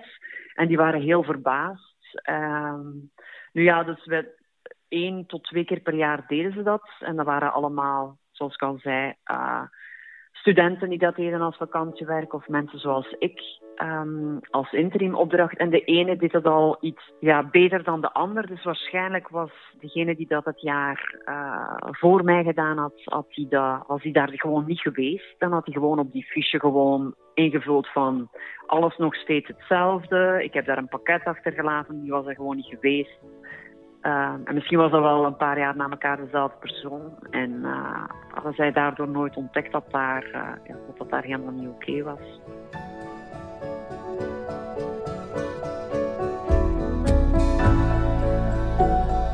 Dit was aflevering 31 van Lockdown. Heb je nou zelf een lockdown verhaal? Ben je ooit ja, opgesloten geweest of ingesloten, buitengesloten? Bel drie woorden door uh, op de voicemail van het nummer 084 83 71 282. En mailen kan ook man, at de man, man met de microfoon at gmail.com. Man met de microfoon at gmail.com. En uh, voor zometeen, slaap lekker. Of, goedemorgen, maak er een mooie dag van.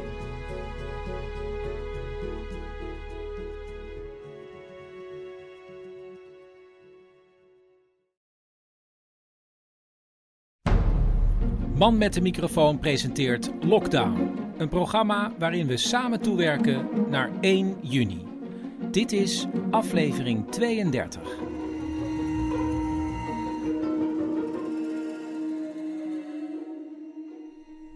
Paulien, je zei net, hebben we nog een intro? Ja. Toen zei ik, nou, ik weet het niet, maar jij hebt iets. Ja, want ik was net op een avondwandeling en die was echt fantastisch. En ik kwam verschillende mensen tegen waar ik op afstand praatjes mee heb gehouden, wat heel leuk was. En um, ik kwam ook iemand tegen met een heel kleine puppy. En die was zo met die puppy aan het spelen. En die puppy rende dan van haar weg. En dan was zij zo van, kom maar, kom maar. En dan, en dan ging die puppy zo heel blij weer terugrennen naar die vrouw. En toen kwam die puppy op mij afgerend. En dan ben ik natuurlijk helemaal geen hondenmens. Maar dit was zo schattig. Maar ik dacht natuurlijk, ja, kan ik die puppy nu aanraken? In feite nee, toch? Hmm, coronatechnisch. Dus ik zei tegen die vrouw van wie de puppy was: Ja, ik mag hem natuurlijk niet aanraken. En toen zei zij: Nou, mag wel even. Omdat zij, denk ik, interpreteerde als: van ja, zoals je sowieso aan een hondenbezitter moet vragen: van mag ik de hond aanraken? En toen dacht ik: Ja, nou laat ik het dan maar doen. En toen heb ik even dus de puppy geaaid. Het was zo schattig. Maar heb je nu je handen gewassen? Ja, ja, heb ik gedaan. En ik hoop dat zij dat dan ook heeft gedaan. En, en die puppy ging ook helemaal zo op zijn rug liggen. En zo met zijn pootjes zo mijn hand proberen te pakken. Het was super schattig. Het was echt een heel lieve puppy. Ja, je zei voordat je wegging: Ik heb een avondwandeling nodig. En de wandeling heeft je gebracht wat je wilde. Ja, het was echt fantastisch. Volgens mij kunnen we gaan beginnen. We beginnen met een uh, klassiek muziekje dit keer. Leuk. Ja, gevoelig muziekje dacht ik, omdat het over de liefde gaat. Want aan het begin van de crisis zat Joost alleen thuis, single. En toen, nou, doe, vertel het zelf maar Joost.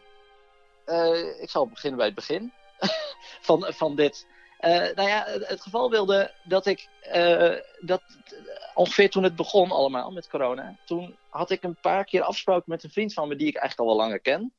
Um, en waarmee ik ook zeg maar in het verleden ook wel een soort van heb gedate. Um, maar daar is, daar is toen niks, niks uitgekomen. En die was eigenlijk rond de begintijd zo vaak dat we op een gegeven moment hebben gezegd: Nou, blijf maar gewoon, want dat is ook wel gezellig. Want anders dan, dan zit je ook maar zo alleen. Ja, oké. toen zaten ze dus samen, Joost en Koen. En er gingen een paar dagen voorbij. Ja, dat was. Nou, wanneer was dat? Zo, dat was denk ik rond om en nabij die persconferentie van, wat was het, 17 maart geloof ik? Die eerste grote persconferentie. 12. Oh, 12 maart. En op een gegeven moment, ik weet niet meer, volgens mij was ik met iemand aan het, aan het chatten of facetimen of zo. En toen zei ik van, nou, ik kan er maar beter een noodrelatie van maken. En toen liep Koen langs en toen zei ik, hé, hey, zei gewoon heel zo. Hé, hey, moeten we anders niet gewoon hier een, uh, een soort noodrelatie van maken? En toen was het echt zo, nou, dat lijkt me prima, laten we het doen. dat, was, dat was het hele moment een, een noodrelatie. En een noodrelatie is volgens Joost een relatie, maar ja, niet helemaal echt. Dus je kan gewoon nog een dating app hebben, bijvoorbeeld. Ja, en dat klonk heel gekscherend, Joost. Uh, maar dat was eigenlijk niet zo gekscherend, want het, was, het is eigenlijk gewoon geworden. Dus we zijn eigenlijk een soort relatie begonnen. Dus liefde in de tijden van corona. Wat grappig. En en dat was nooit gebeurd eh, als corona niet eh, langs was gekomen.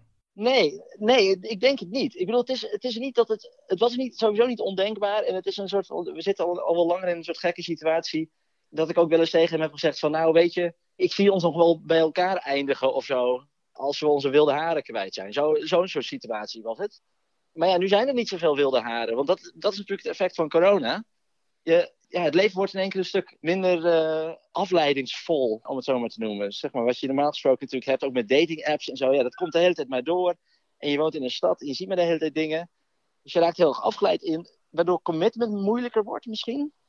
En nu komt dat weer een beetje terug. Dus het is een beetje een soort van, het gevoel van, van vroeger. Van, oh ja, nou, dit is gewoon wat, dit is, dit is de keuze die ik heb, bij wijze van spreken. En nu, klinkt, nu, nu is het net alsof, het, alsof ik het niet zou, anders niet zou willen. Dat is, dat is namelijk ook weer niet wat ik bedoel. Maar het is meer dat je denkt van, ja, dit is eigenlijk heel erg leuk. En wat is het probleem? Waarom doen we dit niet gewoon? Eh, en dat, dat was er een beetje aan de hand eigenlijk. En, eh, en nu blijkt het gewoon super gezellig en leuk te zijn. Ja. En hoe presenteren jullie je nou naar buiten toe? Ja, eh, ik, ik, gebruik nog steeds wel het, het voorvoegsel nood bij alles. Dus zeg maar, dit, dit, is, dit, is, mijn noodvriend of dit is mijn noodrelatie. En doet hij dat ook? Ja, ja, volgens mij wel. Ik weet echt niet hoe hij, dat, hoe hij het communiceert naar anderen. Loopt hij op de achtergrond daar ook of niet? Nee, hij is boven. Ik ben Oh. beneden. Nou ja, dat je even nog checkt of hij het ook noodrelatie noemt. Dat vind ik eigenlijk wel interessant. Ja, dat, ja, dat is ook, ik kan het hem wel even vragen. Ja, vraag maar. Dan, even. Meer hoef ik niet te weten. De telefoon van Joost gaat even uit. Hij loopt naar boven. Of nou, volgens mij niet eens. Hij gaat onderaan de trap staan. Oh, hij zegt beste vriend, roept hij vanaf boven. nou, eh, ik noem jou noodvriend namelijk. Ah, Oké, hij gaat me voortaan ook noodvriend noemen. hebben we- dat hebben we al geregeld nu. Je hebt nu een noodrelatie, maar stiekem is het gewoon een relatie, Joost. Ja, eigenlijk wel. Ja, we waren ook gisteren naar zijn ouders. Wel, wel op eh, gepaste afstand. Maar Oh, we waren vertel. dus gisteren ook... Oh, ik vertel. ben voor het eerst bij zijn ouders geweest. ja, dat was gewoon... Ja, maar dat was ook... Dat was een heel, heel cliché... eh, voor het eerst op bezoek bij je schoonouders. Hoe was het eigenlijk bij zijn ouders? Bedoel, Ja, heel leuk. Oh, hij heeft zulke leuke ouders. Dat, dat vind ik ook altijd iets heel fijns als een, als een relatie fijne ouders heeft. Als ik fijne schoonouders heb. En dit zijn ongeveer de leukste schoonouders die je kunt wensen. En zaten jullie in de tuin? Ja, we, zaten, we hebben ook wel daar gegeten. Maar toen moest ik aan het hoofd van de lange tafel. Al, eh, zeg maar, en, dan, en Koen mocht dan wel, die mocht aan de zijkant iets dichter bij zijn ouders. Maar ik moest voornamelijk heel ver weg blijven. Denk je dat je... eh, zit jij eigenlijk nog te swipen op Tinder? Ja, maar het is echt een, dat is een soort van automatisme bijna. ja, dat is verschrikkelijk. Ja, ik had ook, want we waren dus bij zijn ouders en toen, had, en toen, toen eh, op de weg terug in de auto zette hij wat muziek op. En toen zag hij op mijn telefoon dat, dat hij Grindr had gebruikt. Oh, Grindr, En zei hij heb je, bij mijn ouder, heb je bij mijn ouders Grindr gebruikt? Sim? Maar dat kon ik me niet eens meer herinneren dat ik dat had gedaan. Omdat ik gewoon, dat, dat is gewoon zo'n, dan, dan druk ik er gewoon op. Hij, dat is een jaloerse reactie. Ja, tuurlijk. Van hem ook. Ja, ja ook, ja. Ja, dus dat is ook goed nieuws. Ja. ja, dat is ook goed nieuws. ja. Ja, we wachten natuurlijk allemaal tot het einde van de crisis. Maar hoe zit het dan met die relatie? Joost? Misschien dat we wel voor die tijd eh, knallende ruzie krijgen. Eh, of misschien dat, eh, misschien dat voor die tijd eh, eh, hij iemand anders eh, ontmoet ergens of online of zo. Of ik. Nou, maar dat vind ik Wie helemaal- weet. Maar dat vind ik een veel te onromantisch idee om, eh, om, om- om hier, Ja, maar- hiermee te eindigen. Ja, dat is wel. Veel Oh te nee, dan. Laten we het dan even zo eindigen. Ik vermoed dat als, het, eh, als deze coronacrisis voorbij is, dat we dan eh zielsveel van elkaar houden en dat we voor de rest van ons leven bij elkaar blijven. Kijk, zo mag ik het horen. Nu is het een goed einde. Dankjewel, Joost. Geen dank.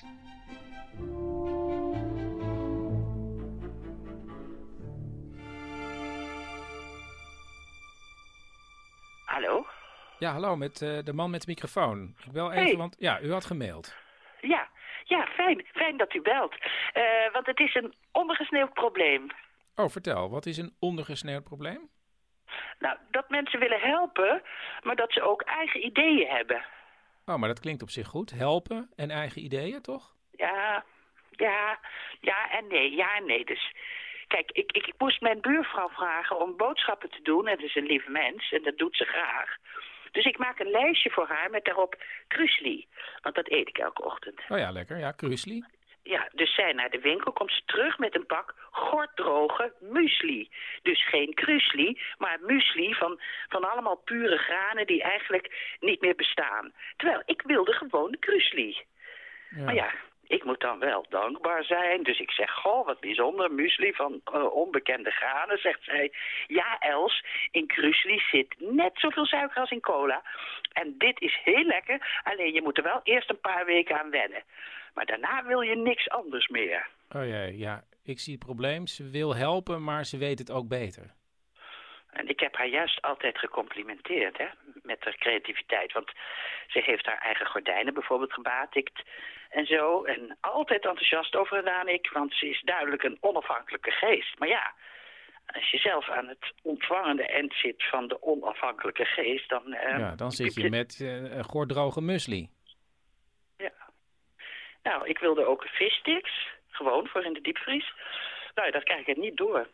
Ik heb nu duurzaam gevangen kabeljauw, die ik dan zelf zou kunnen fileren en paneren tot visstick. Nou ja, Ja, maar kunt u niet gewoon zeggen, het is misschien heel vreemd, maar ik eet nu eenmaal graag wat ik eet? nee, nee. Oh. Nee, daar staat ze niet voor open. Ze heeft een heel sterke wil. Oh. Mijn tandpasta, daar is ze ook tegen. Dus ik krijg tandpasta die gemaakt is van brandnetel. En ze zegt ook steeds van die dingen als... Els, we gaan jou topfit die crisis doorslepen. Terwijl ik wil gewoon een lekker pak krakelingen of bokkenpoten. Of Ja, misschien kunt u iemand anders vragen voor de boodschappen. Ja, maar dan kan ik deze vrouw toch niet meer aankijken. Dat kan toch niet? Ze heeft zichzelf aangeboden. En nu kom ik niet meer van haar af. Misschien, ja, misschien kan er iemand anders stiekem nog wat lekkere dingen voor u kopen. Hmm. Ja. Ja, misschien moet dat dan maar. Als een soort schaduwboekhouding. Ja, dat wordt wel eh, duur. Ja, ja, dat wel. Dubbele boodschappen. Waarvan je dan de helft ook niet eens ja, gebruikt, nodig hebt. Aan de andere kant, we moeten allemaal offers brengen nu. Dus ook ik. Dan maar dubbele boodschap en een blije buurvrouw. En, en, en misschien kan ik die muesli nog verwerken in een kruidkoek... en die dan uiteindelijk aan de buurvrouw geven als dank. Nou, precies. Een kruidkoek van oude graansoorten eh, met een stevige buit. Nou, hè, hè. Daar zijn we uit. Alleen samen krijgen we de buurvrouw onder controle.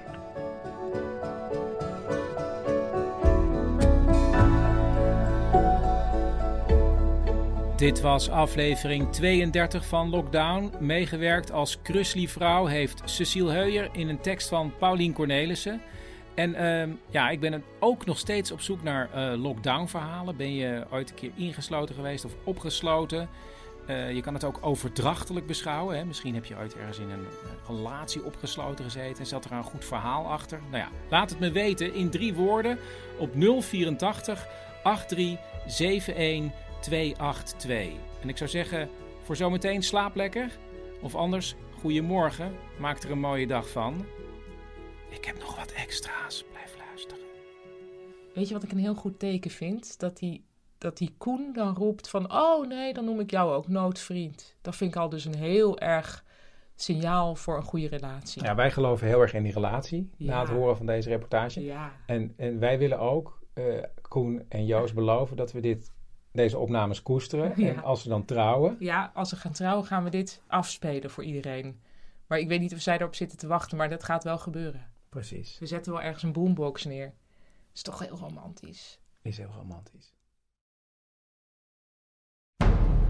Man met de microfoon presenteert Lockdown. Een programma waarin we samen toewerken naar 1 juni. Dit is aflevering 33.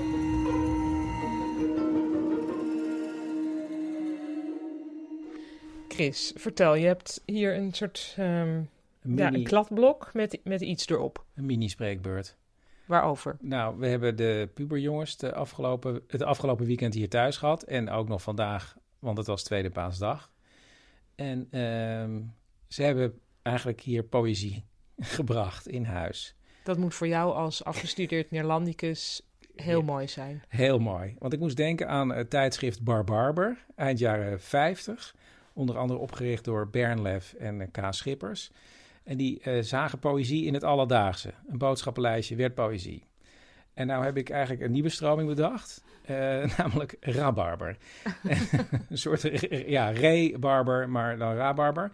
Eh, en dat gaat dan... Wat is rebarber? Nou, opnieuw bar barber, dacht ik. En dan Oh, een soort... ja, maar, barbarber, maar wordt rabarber. Oké, tuurlijk. Nou, ehm, Je zit in de flow. ja, nou ja, en dat werden readymates genoemd. En ik dacht, dan is dit een auditieve readymade. Want ik heb opnames gemaakt van eh, Joep en Tuin... terwijl ze met elkaar aan het praten zijn.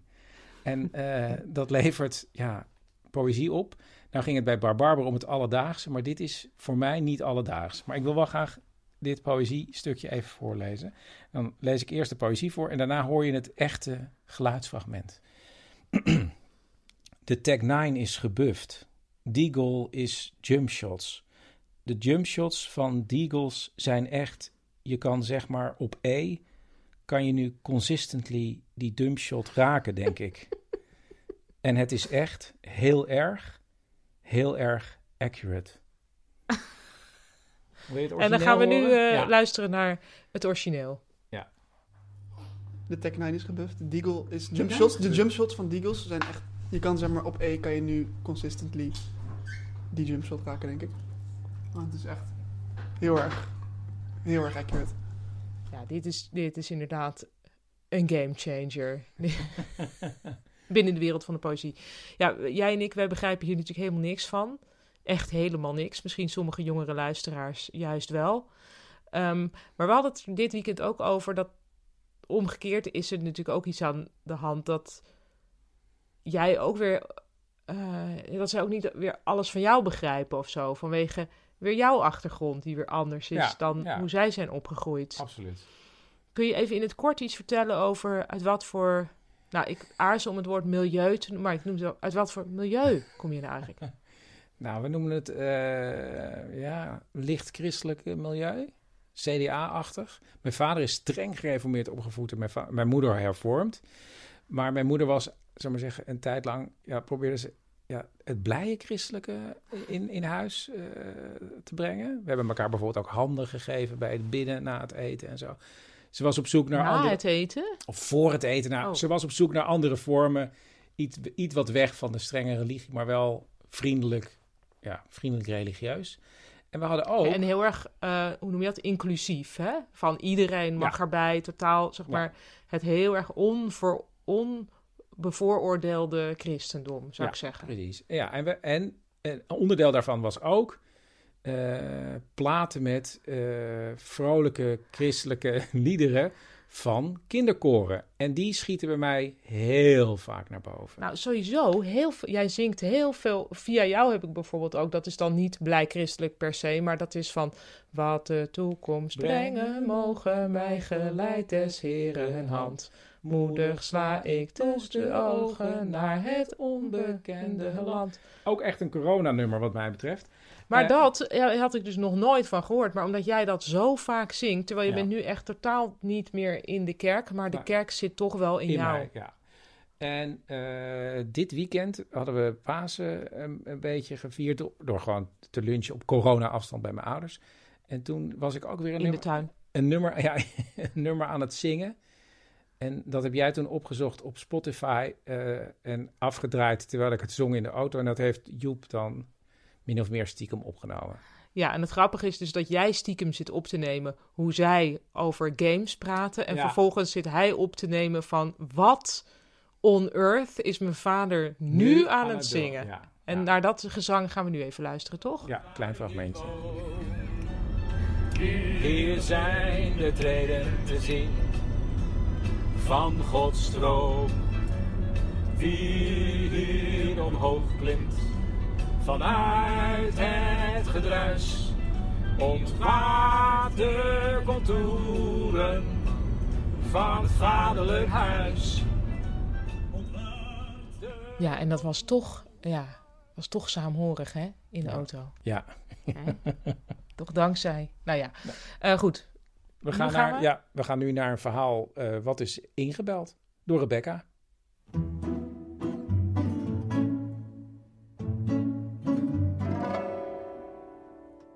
Het was eh, februari 1986. En ik woonde in Cairo omdat ik daar mijn afstudeeronderzoek deed. Ik studeerde sociale geografie in Nijmegen. En ik ging onderzoek doen om te kijken wat er gebeurde als vrouwen van het platteland naar de stad verhuisden. Wat dat deed met hun idee over hoeveel kinderen ze wilden hebben, wat, hoe, oud meisjes moesten zijn om te trouwen, dat soort dingen. Dus ik was eh, me nog aan het voorbereiden op het onderzoek, was nog Arabisch aan het leren en zo. En op een gegeven moment brak de pleuris uit. Dus bij de piramides waren een aantal eh, kazernes van dienstplichtigen. En die waren in opstand gekomen. Ik, het was iets met, met een dienstplicht die langer zou worden of zo. Van, nou, dat weet ik niet meer precies. Uh, maar in ieder geval, die waren in opstand gekomen. De, en, en er waren, werden allemaal hotels in brand gestoken. Dus um, er werd een uh, nou ja, lockdown, een totale uitgaansverbod ingesteld. En iedereen moest dus naar huis. En alle Nederlandse studenten in Cairo kregen te horen dat ze het beste konden gaan naar het Nederlands instituut daar. En dus pakte Rebecca haar spullen. Dan denk je van ja, hoe lang gaat dit duren? Wat moet ik dan meenemen? Dus ik had echt een belachelijke dingen ingepakt. Ik had al mijn studieboeken ingepakt.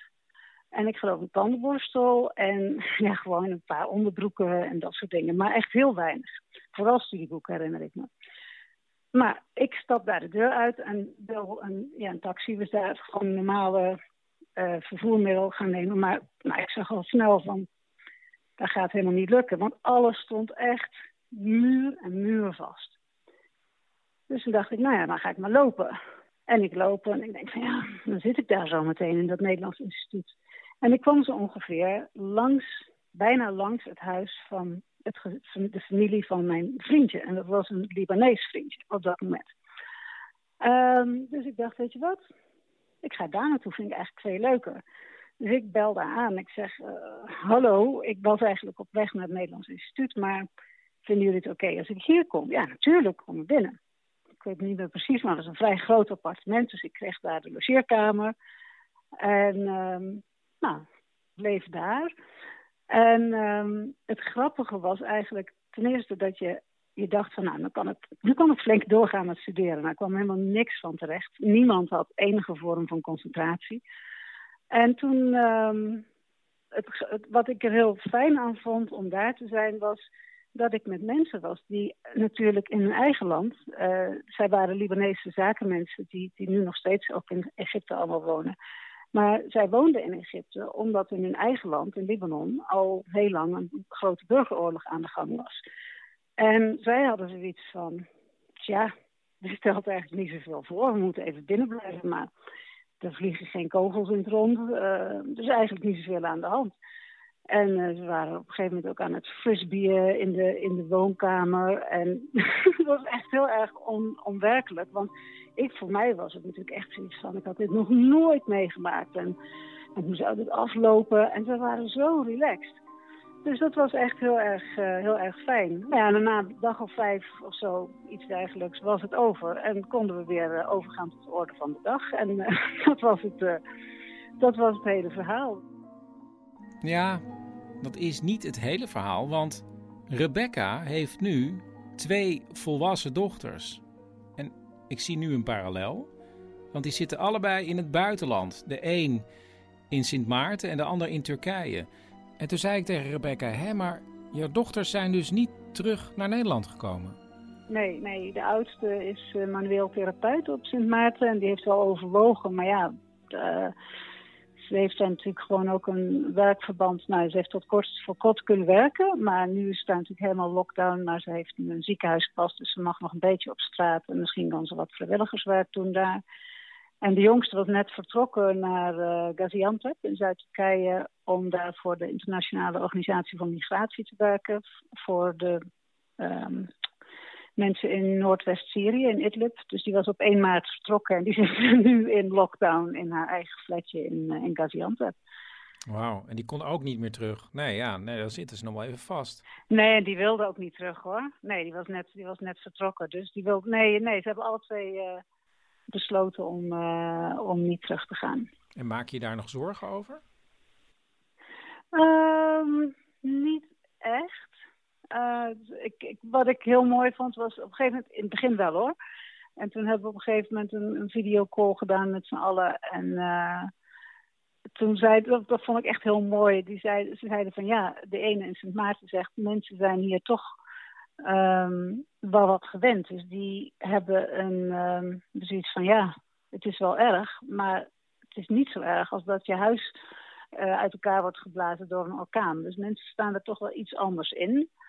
En hetzelfde zeggen die mensen met wie mijn andere dochter werkt. Dat zijn Syriërs vooral, die, die zelf uit Aleppo en zo gevochten zijn. En ze nemen het serieus hoor, daar gaat het helemaal niet om. Maar ze zeggen ook van ja, we've been through worse. dus dat is, uh, ja, dat vond ik ook echt wel heel mooi eigenlijk van hun om te zien dat ze, dat ze het op die manier konden relativeren. Dus aan de ene kant natuurlijk gewoon echt heel serieus nemen en alles doen wat ze moeten doen. Um, ook om, om zelfs niet bij te dragen aan de vergroting van de ellende. Maar ook van, ja, dus nog een andere werkelijkheid dan onze Nederlandse werkelijkheid.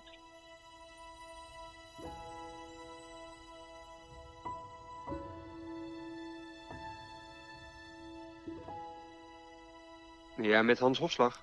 Hans, uh, je spreekt met Chris Baema, man met de microfoon. Je had drie, Oh ja. woorden, je had drie woorden ingesproken. Uh, Ja. Maandenlang, ontvoerd, litteken. Ja, eh, ja, dat waren ze. Ja, Want je bent ontvoerd? Eh, dat klopt. Wauw, ja, dat klinkt heel, ja, dat klinkt heel heftig. Ja. Ehm, misschien moet je het gewoon eh, vertellen. Begin maar bij het begin. Ik ga, ik ga Ja, beginnen. Oké, ja. Ik lag s'avonds in bed. Ja. En ik had een kop natuurthee gedronken. eh, dus dat is zonder cafeïne. Ja. En toen kwam er licht door het raam.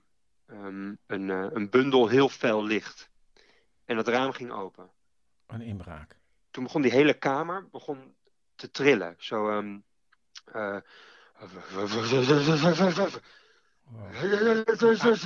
Aardbeving. En, en dat stopte. En daarna begon ik zelf heel langzaam op te stijgen. Hé, wacht Het even. was alsof ik, alsof ik op een onzichtbare brancard het raam uit werd geschoven, naar buiten. En het was daar dat ik, dat ik de groene ruimtevriendjes zag staan. Oh. En heel vriendelijk hoor, dus helemaal close encounter of the third kind eh, achter. Ja, Maar deze waren dan wel meer bollen dan van die langwerpige dingen die je normaal ziet.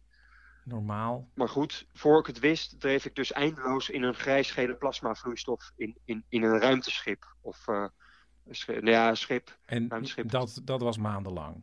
Nou, in hun werkelijkheid was het misschien wel een half jaar. En in onze realiteit stond ik de dag daarna gewoon weer in de Albert Heijn bij de broodafdeling.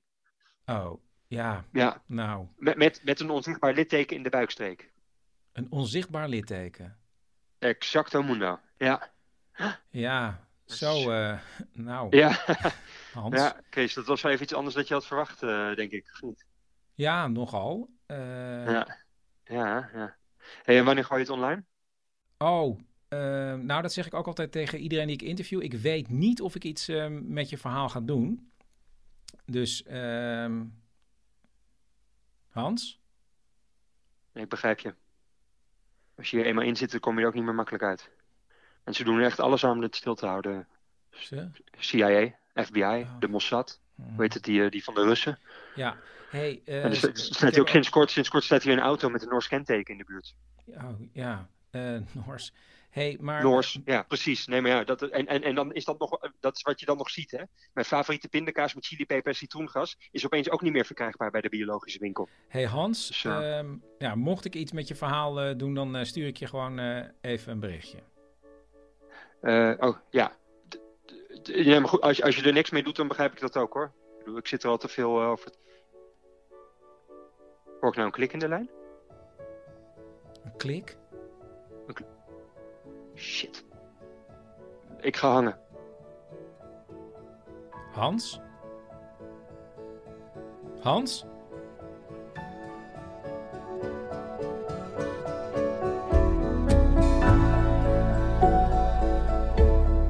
Dit was aflevering 33 van Lockdown. Meegespeeld heeft Daniel Cornelissen.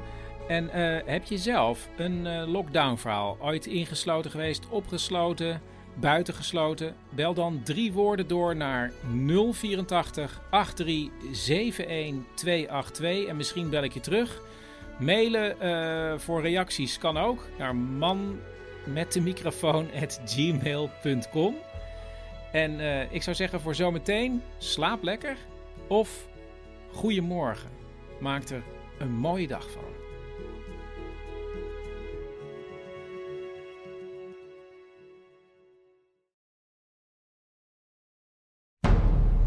Man met de microfoon presenteert Lockdown. Een programma waarin we samen toewerken naar 1 juni. Dit is aflevering 34.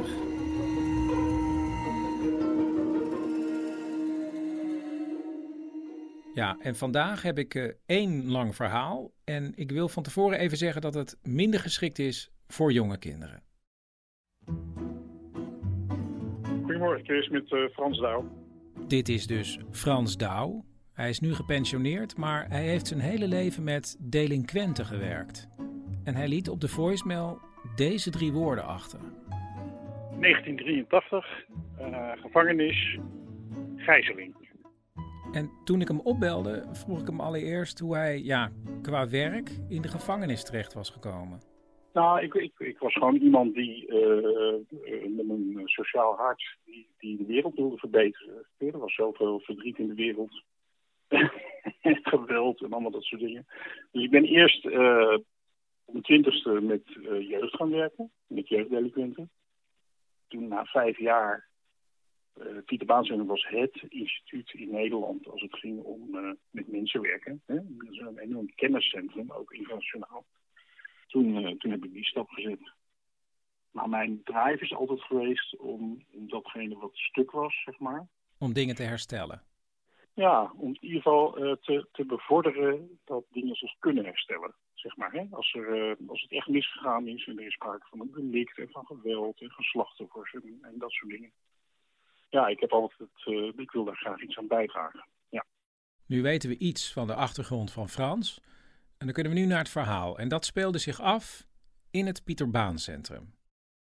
Pieter Baan Centrum was zeg maar um, een huis van bewaring met een bijzondere opdracht. Hè? Uh, uh, mensen die een vrij ernstig delict hadden gepleegd, of een uh, bizar delict, die werden daar geobserveerd. En de rechter die werd geadviseerd over de, de mate van toerekeningsvatbaarheid en de gevaarlijkheid van mensen. Uh -huh.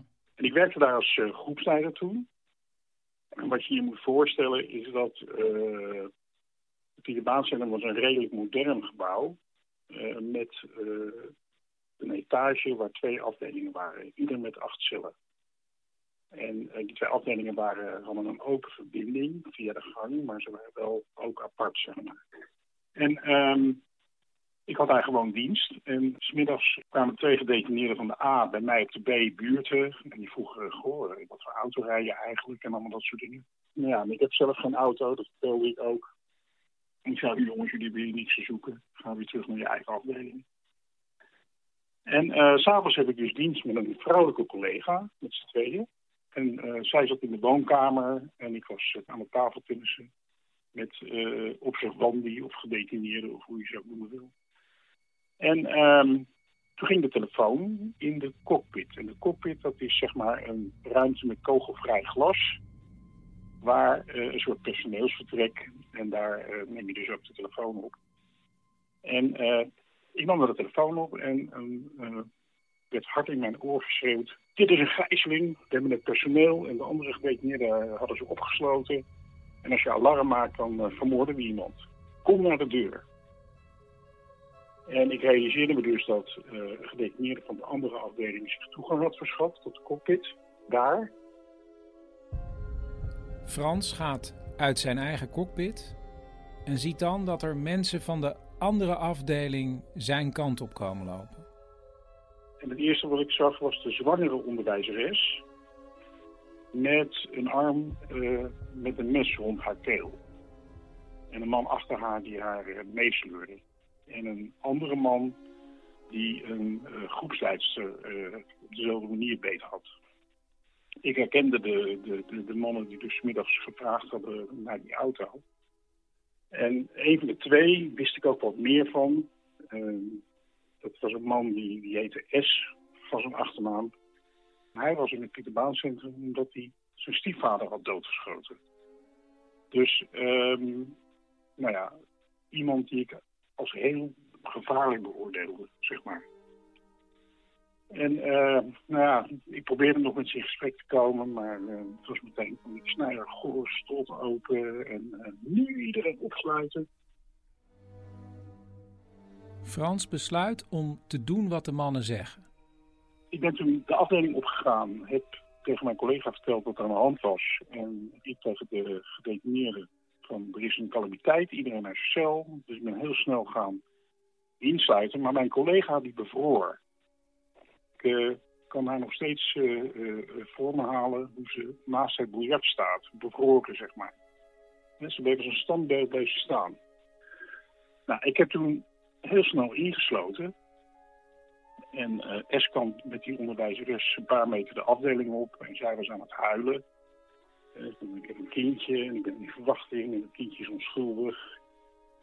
En um, nou, hou je bek was het. En uh, dat soort teksten naar haar toe. Wat is dat? riep hij ook nog naar mijn collega. Ik zeg, ze kan niet bewegen, laat hem maar staan, zei ik tegen hem. En toen zei hij van, roep een lift voor ons. Met een speciaal sleuteltje dat Frans bij zich draagt, kan hij de intercom naast de lift bedienen. En hij roept een lift op, die komt naar boven. En als de gijzelnemers en gijzelaars dan in de lift zouden gaan staan, dan nemen ze contact op met de portier, want die bedient dan de lift en kan die naar beneden roepen. Vervolgens uh, zijn die twee mannen, zeg maar, schreeuwend, achterwaarts lopend naar die lift die aan het eind van de gang was gelopen terwijl ze die dames hardhandig met zich meesleurden. Ze lopen de lift in en dan gaan de liftdeuren dicht. Uh, en ik dacht van als er beneden problemen ontstaan bij de portier, want daar zitten bewaarders die ze dan naar, buiten moeten laten, en ze doen dat niet, dan schat ik echt in dat het verkeerd af gaat lopen. Dus toen ben ik terug naar de cockpit gerend, heb ik de portier gebeld, dat ze ze door moesten laten. En um, bedacht vervolgens van misschien moet ik wel bemiddelen. Dus toen ben ik niet via de lift, maar via het noodtrappenhuis naar beneden gerend. En op de eerste etage hoorde ik ineens stemmen, uh, heel dichtbij. En toen bleek dus dat de lift te vroeg gestopt was. Ze hadden hem te vroeg laten stoppen. En de gijzelnemers waren met hun gijzelaars uitgestapt. En toen um, uh, heeft het echt een haar gescheeld. Ik was midden in die gijzeling gevallen, zeg maar, vanaf de trap. Dus ik kon me nog net met mijn rug tegen de muur gooien.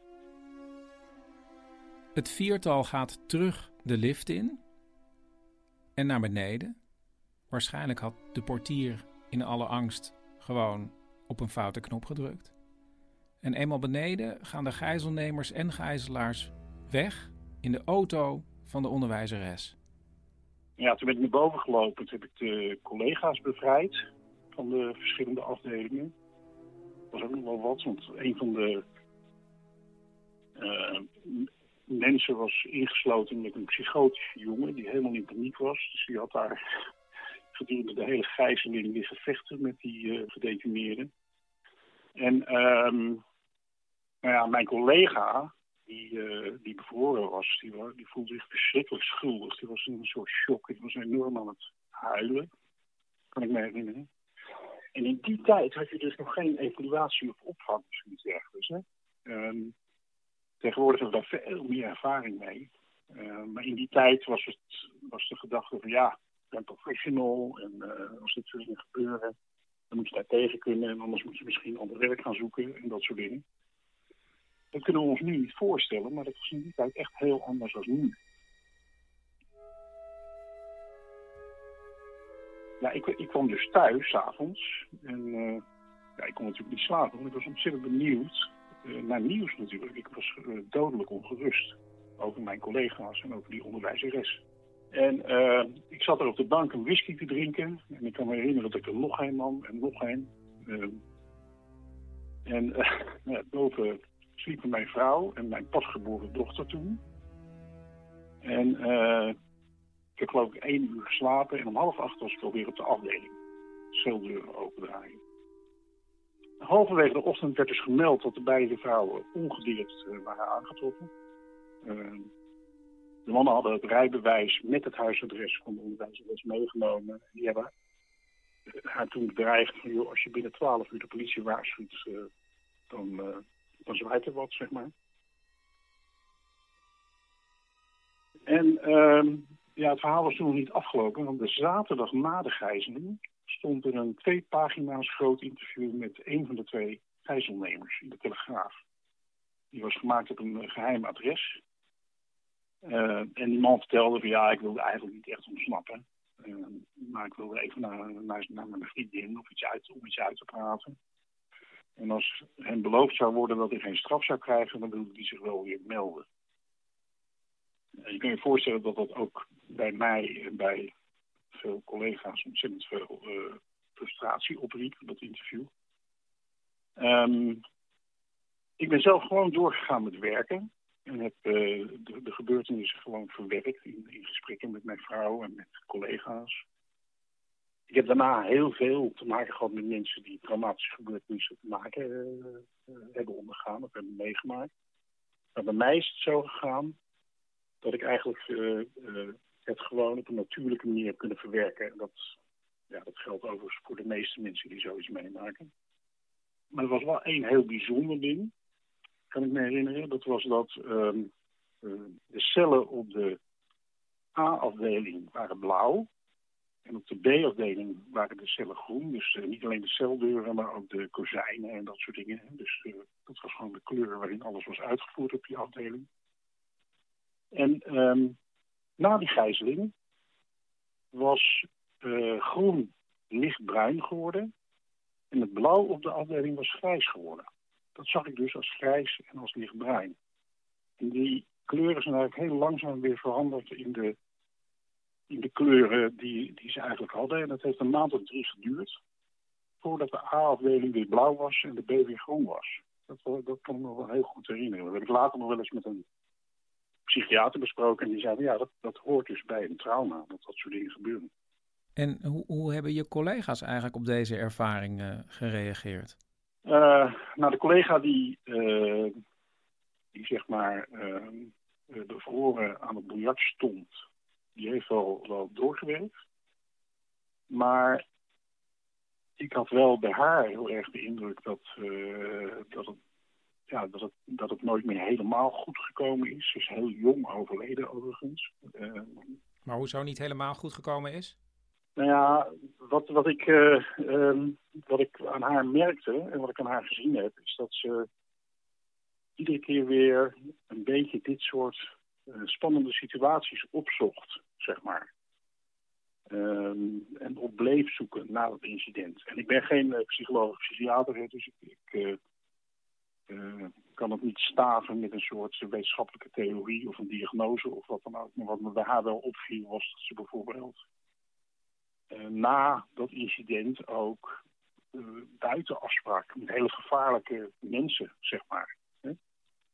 Die ze in haar werk was tegengekomen, dat soort dingen. Dus dat gaf mij in ieder geval het beeld dat ze weer terug wilde of iets wilde uitzoeken rond geweld en machteloosheid en dat soort dingen. En misschien wel, maar dat is ook weer helemaal een invulling van mij, um, wilde proberen bewijzen dat ze de regie weer kon voeren en terug kon winnen in dat soort situaties. Wow. En dat heeft bijvoorbeeld ertoe geleid, dat ze, dat herinner ik me nu terwijl ik hier aan de lijn heb, dat ze ook een keer met een ex-gedetineerde afgesproken had en uh, dat we daarna dienst hadden op een zondagmorgen en dat ze door hem verkracht was de avond tevoren. Oh. Dus dat, uh, ja, ik, ik, ik, ik, kan ook helemaal niet zeggen van goh dat het met het incident te maken had. Maar als je het nu zo vraagt, dan denk ik van ja, dat, ik kan me dat wel voorstellen dat het, uh, dat het, dat het, daar, dat het daar toch wel mee te maken had. Na het horen van dit heftige verhaal moest ik even terugdenken aan wat Frans vertelde dat hij ooit begonnen was als jonge man omdat hij dacht dat wat kapot was, dat dat hersteld kon worden. En ik vroeg me af of, of hij dat nou aan het einde van zijn loopbaan nog steeds heeft. Ik geloof erin dat, dat uh, herstel voor iedereen mogelijk is. Uh, dat hangt heel erg wel af van, de, uh, van een aantal omstandigheden. Dus niet alleen van de betrokkenen zelf, maar ook van de context waarin iemand uh, verkeert. Mm -hmm. bijvoorbeeld of je mensen tegenkomt die heel erg in je geloven, en je vertrouwen en je ondersteunen. Dat, dat, dat, kan heel veel verschil maken in een, in een mensenleven. Maar ja, uh, herstellen moet je ook zien niet zozeer als van iets van, van het ene moment op het andere, maar meer als een soort proces. Ja, dan zijn er maar weinig die, zeg maar, totdat ze eh, doodgaan, eh, eh, niet een vorm van herstel doormaken. Oké. Dat zijn er eigenlijk maar weinig. Eh, ik ben zelfs heel positief geworden in mijn, in, in mijn leven. Veel positiever als toen ik jong was over de mogelijkheden voor mensen om te herstellen. Ook omdat ik, omdat ik natuurlijk eh, de leeftijd heb, heel erg lang mensen ook heb kunnen volgen. Oké, maar dat vind ik dan wel, zullen we zeggen, bemoedigende woorden ter afsluiting eigenlijk. Ja, nou, ik ben heel, ik ben eigenlijk, mijn mensbeeld is, eh, mijn mensbeeld, ondanks het feit dat ik echt eh, bij elkaar 40 jaar in, in, gevangenissen en gesloten inrichtingen, instellingen heb doorgebracht, om het zo maar te zeggen, is mijn mensbeeld eigenlijk heel erg positief.